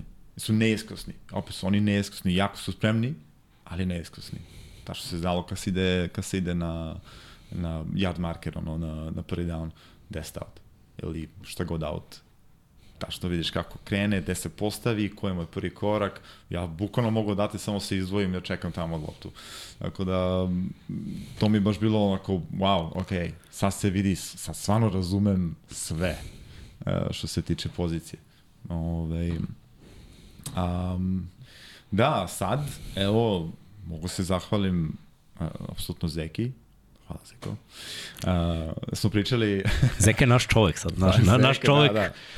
Zeka, koji je tamo da. razradio priču. Imamo mi te ovde neke koji, znaš, razradio priču za ortake. Ove, da, pa pre, pre početka ove, ove sezone ja sam već, ja sam napravio tu aplikaciju za Munich Ravense i uh, ja sam samo dobio mail nazad kao hvala na, na aplikaciji, ali kao ništa. Rekao, dobro, wow, mislim, nisam vidio, nije to ništa bilo personalno, više bilo onako generic uh, response i to je, ok, mislim, šta sad ne, ne, tu sad guranje.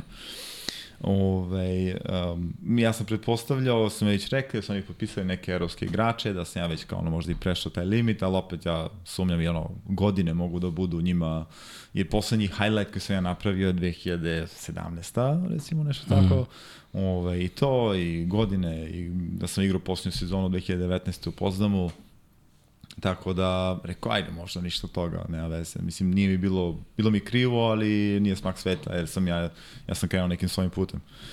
I uh, pre deset dana, recimo, mislim da je prošli vikend da su igrali, uh, da je igrao Stuttgart protiv Minhena. Zeka Stuttgartu, ja naravno, šta ću, kažem, razvali ih. Zato što nisu mene potpisali. Ove, I reci im tamo da su izgubili zato što nisu mene potpisali. Što je čovjek i uradio. Šta je mu tražio?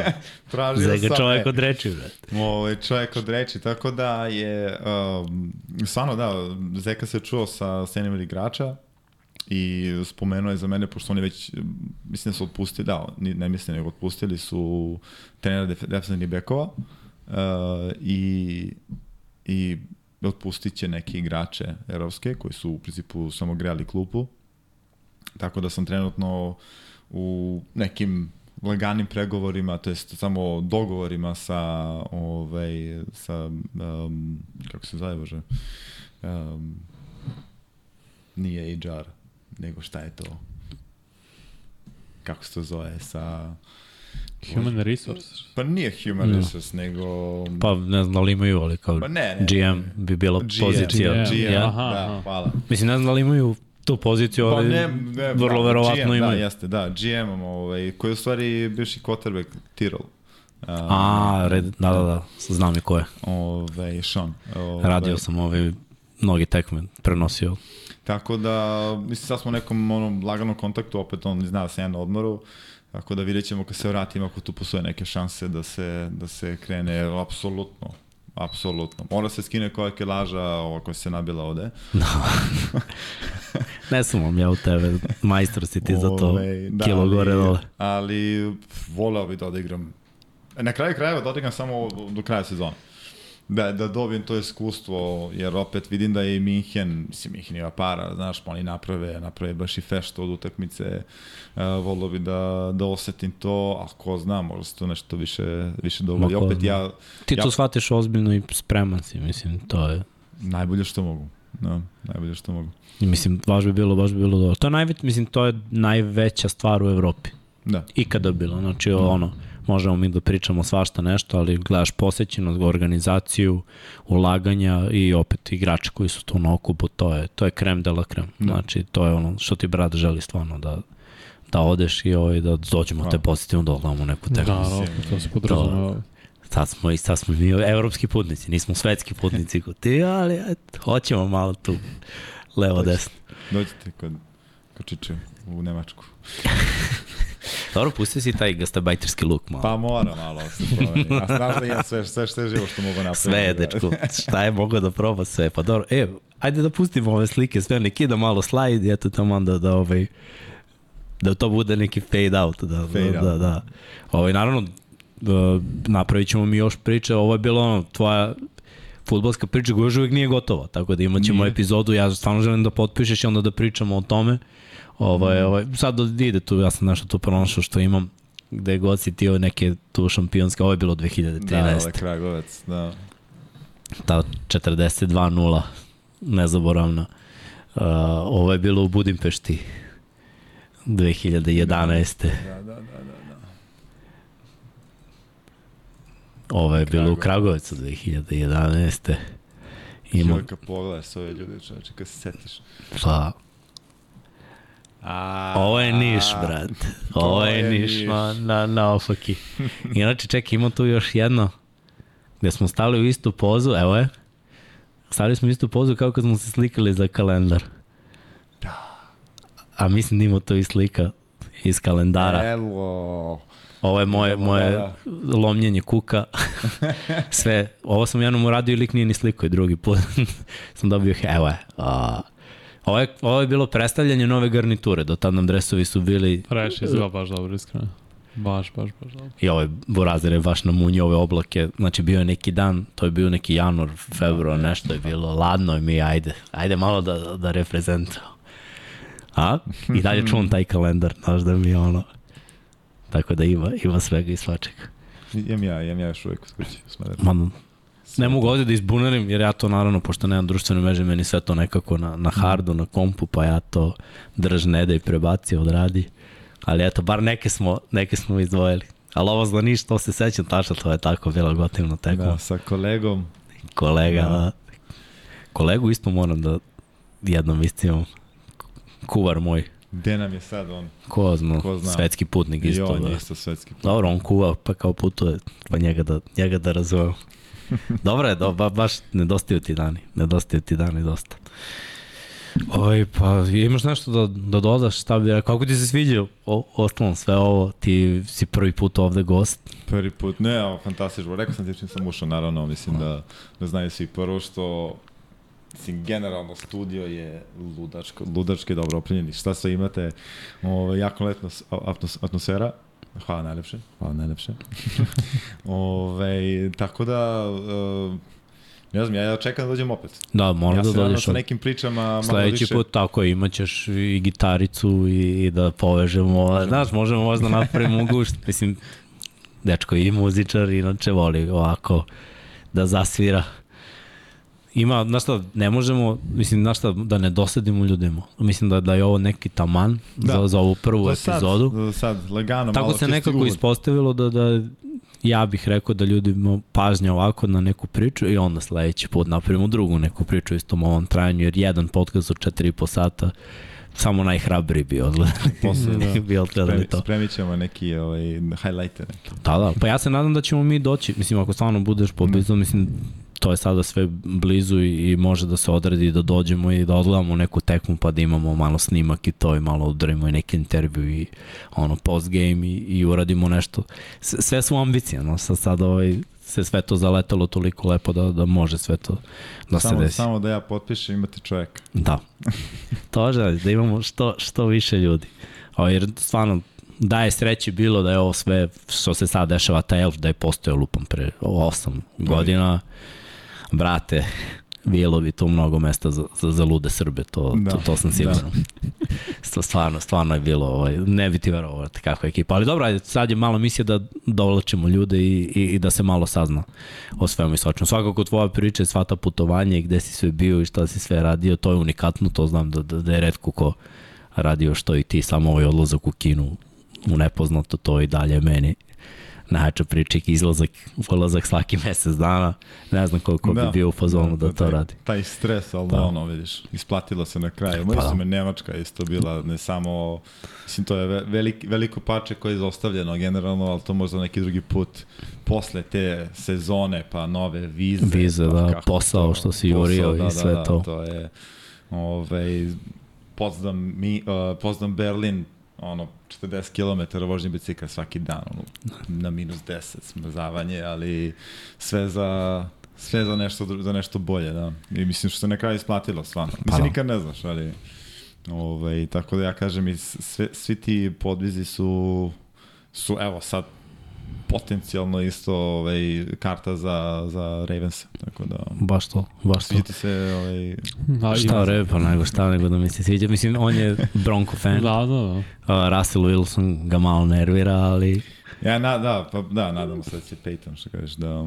Sean da Payton bi mogo to. Mislim, mi baš smo, Jimmy Hare lansirao na power rankingu, on baš veruje u njih. Mm. Ja vidim da je ono, ima, tanka je malo ekipa, ali mm AFC je krcat u stvari. Nije, nije ekipa toliko tanka koliko je AFC mm. ba, baš krcat. I ja, mislim, evo, ceo ovaj stol je tvoja divizija, ja sam ovaj severna, svi navijamo za ekipe u AFC-u i da. stvarno je napeto. Znaš, svaki ekipi nešto fali. Namo fale hvatači, ovamo fali Defazdeni teklovi, trener, linija, ovamo, dosta toga. Hvatači mladi, znaš, mora, mora da vidim. Ali dobro, biće, biće zanimljivo. Ovo mislim, Super Bowl, šta hoćeš poslednjih 10 godina, mislim, mi nemamo ni to, nemamo da. pojavljivanje. Kad stavili Rivers. ne diraj Rivers, dobar je, dobar je Rivers. Uh, reci mi, kakav je bio triptici, mislim, u Minhenu, utakmica se igrala u Minhenu, bio Brady, i sad će biti utakmica u Minhenu isto. Pa ja se nadam da ću nešto nađem da igram tamo, mislim, ali ovako generalno po gradu, Ove, što se ne sećam šta je ovo što se dešavalo, ali nije bila neka fešta, ono, nešto specijalno. Ove, tako da, obratit ću više pažnje ove godine. Da. pojma. Kako si? Iskreno, ove, bio sam jako zazad poslom, tako da... Pa da. Ne, ove godine dolazim iz Lačinca, znaš, to nema. To je to. to je Za ruku i taj dan, mislim taj dan, ta dva dana ne radiš, znači ne. idemo idemo malo da, za stare dane, malo da, da, da, da obiđeš, ne, da obiđem Nemačku. Da. U Mihenu, u Mihenu sam bio samo dva puta, mislim, i to prostrujao oba puta, baš bi volao da, da, ovaj, da ostane malo zna duše. Se, znaš šta se ide, da, još pogotovo ako možete neki period to će biti posle Oktoberfesta. Mm. Tako da bit će to sve još uvek u gasu. Da. to, to, to. Kako ti se sviđa život u Nemačkoj? Mislim, da si duže tamo. Pa da, sad je četvr, sad već, četvrta godina. Sad si da. već polu nema. To jest, peta godina je počela. Uh, dobro je. Mislim, ja sam zadovoljan. No, ne, ne, ne, mislim da niko ne može da, to je većina ne bi mogla da, da se, ovaj, kako se zaje, um, ili većina bi mogla da se složiti sa mnom, bi se vratili ovde da mogu. Uh, I uvek najlepše kod kuće. Ali postoji sistem mislim da je to neka ona klasika, mislim da mm. ulazimo u tu politiku i kako sve radi tamo, ali um, jednostavno postoji sistem neki, znaš na šta možeš da se osloniš, na šta ne možeš, uh, imaš tu definitivno sigurnost uh, finansijsku i ne znam, ono, mislim, te neke stvari, aj kažeš, što najviše ljudi brinu, da li možda platiš račune, šta ako dobiješ otkaz, zaštićen si poprilično od, države, ovaj, od strane države. Tako da je to dobro i jedna od stvari je tamo, ako nešto hoćeš da započneš, pitanje je kad će da, da, da ode u visine. Ne da li će. Ako mm. želiš, ako samo želiš da se posvetiš, je najviše ono kreće od tebe, uspećeš ali moraš da zagrizeš. Tako da, uglavnom je to pitanje. Pogotovo Minhen. Mislim, Minhen koji je stvarno ono, bogat, bo, bogat grad. Ove, možda negde drugde i ne bi bilo tako. Berlin je druga priča. Mm. Da, to je ludilo. To sam skopirao da sam i teo ti u Berlin. To je to umetnički ludilo, grad. umetnički grad, ali ovaj, na primjer Minhen je stvarno za nešto za pucati. Mm. Dobro. Drago mi je, drago mi je ovaj da, da, da si bio ovde. Drago mi je da, da smo prošli ovo, doći ćeš opet. Ovo, javi se sledeći put isto, ovaj, pa da, da lepo odradimo i naravno, nadam se da će biti priča o ovome i da možemo da sklopimo nešto bolje. Eto sad i mi malo i mi pucamo na, na, na više da, da radimo ovakve stvari, da više i putujemo i da napravimo neku čudu. Još smo i pričali isto i, i sa Zekom, mm -hmm. da je bila ambicija, mislim, zamisli da igrate vas dvojca i da se, da se poklopi to i, i da odemo i da, da. ispratimo, to bi, to bi bio haos. Ovaj, to bi bilo to, ne znam, Vanja, kako da privodimo kraju. Da, to, to. Ovo je bila futbolska priča Marka Batesa, koja još uvijek nije gotova i nadamo se da će vrlo uskoro zaigrati za Minhen Ravense. A ako bude zaigrao, ta priča će se nastaviti, naravno imat ćemo part 2, tako ćemo da stavimo kada bude bila sledeća epizoda part 2. Nadam se da ste uživali u ovoj priči, da ste čuli nešto što niste čuli pre toga i naravno do sledeće epizode 99 Yardi. Veliki pozdrav iz Infinity Lighthouse Studio. Tchau!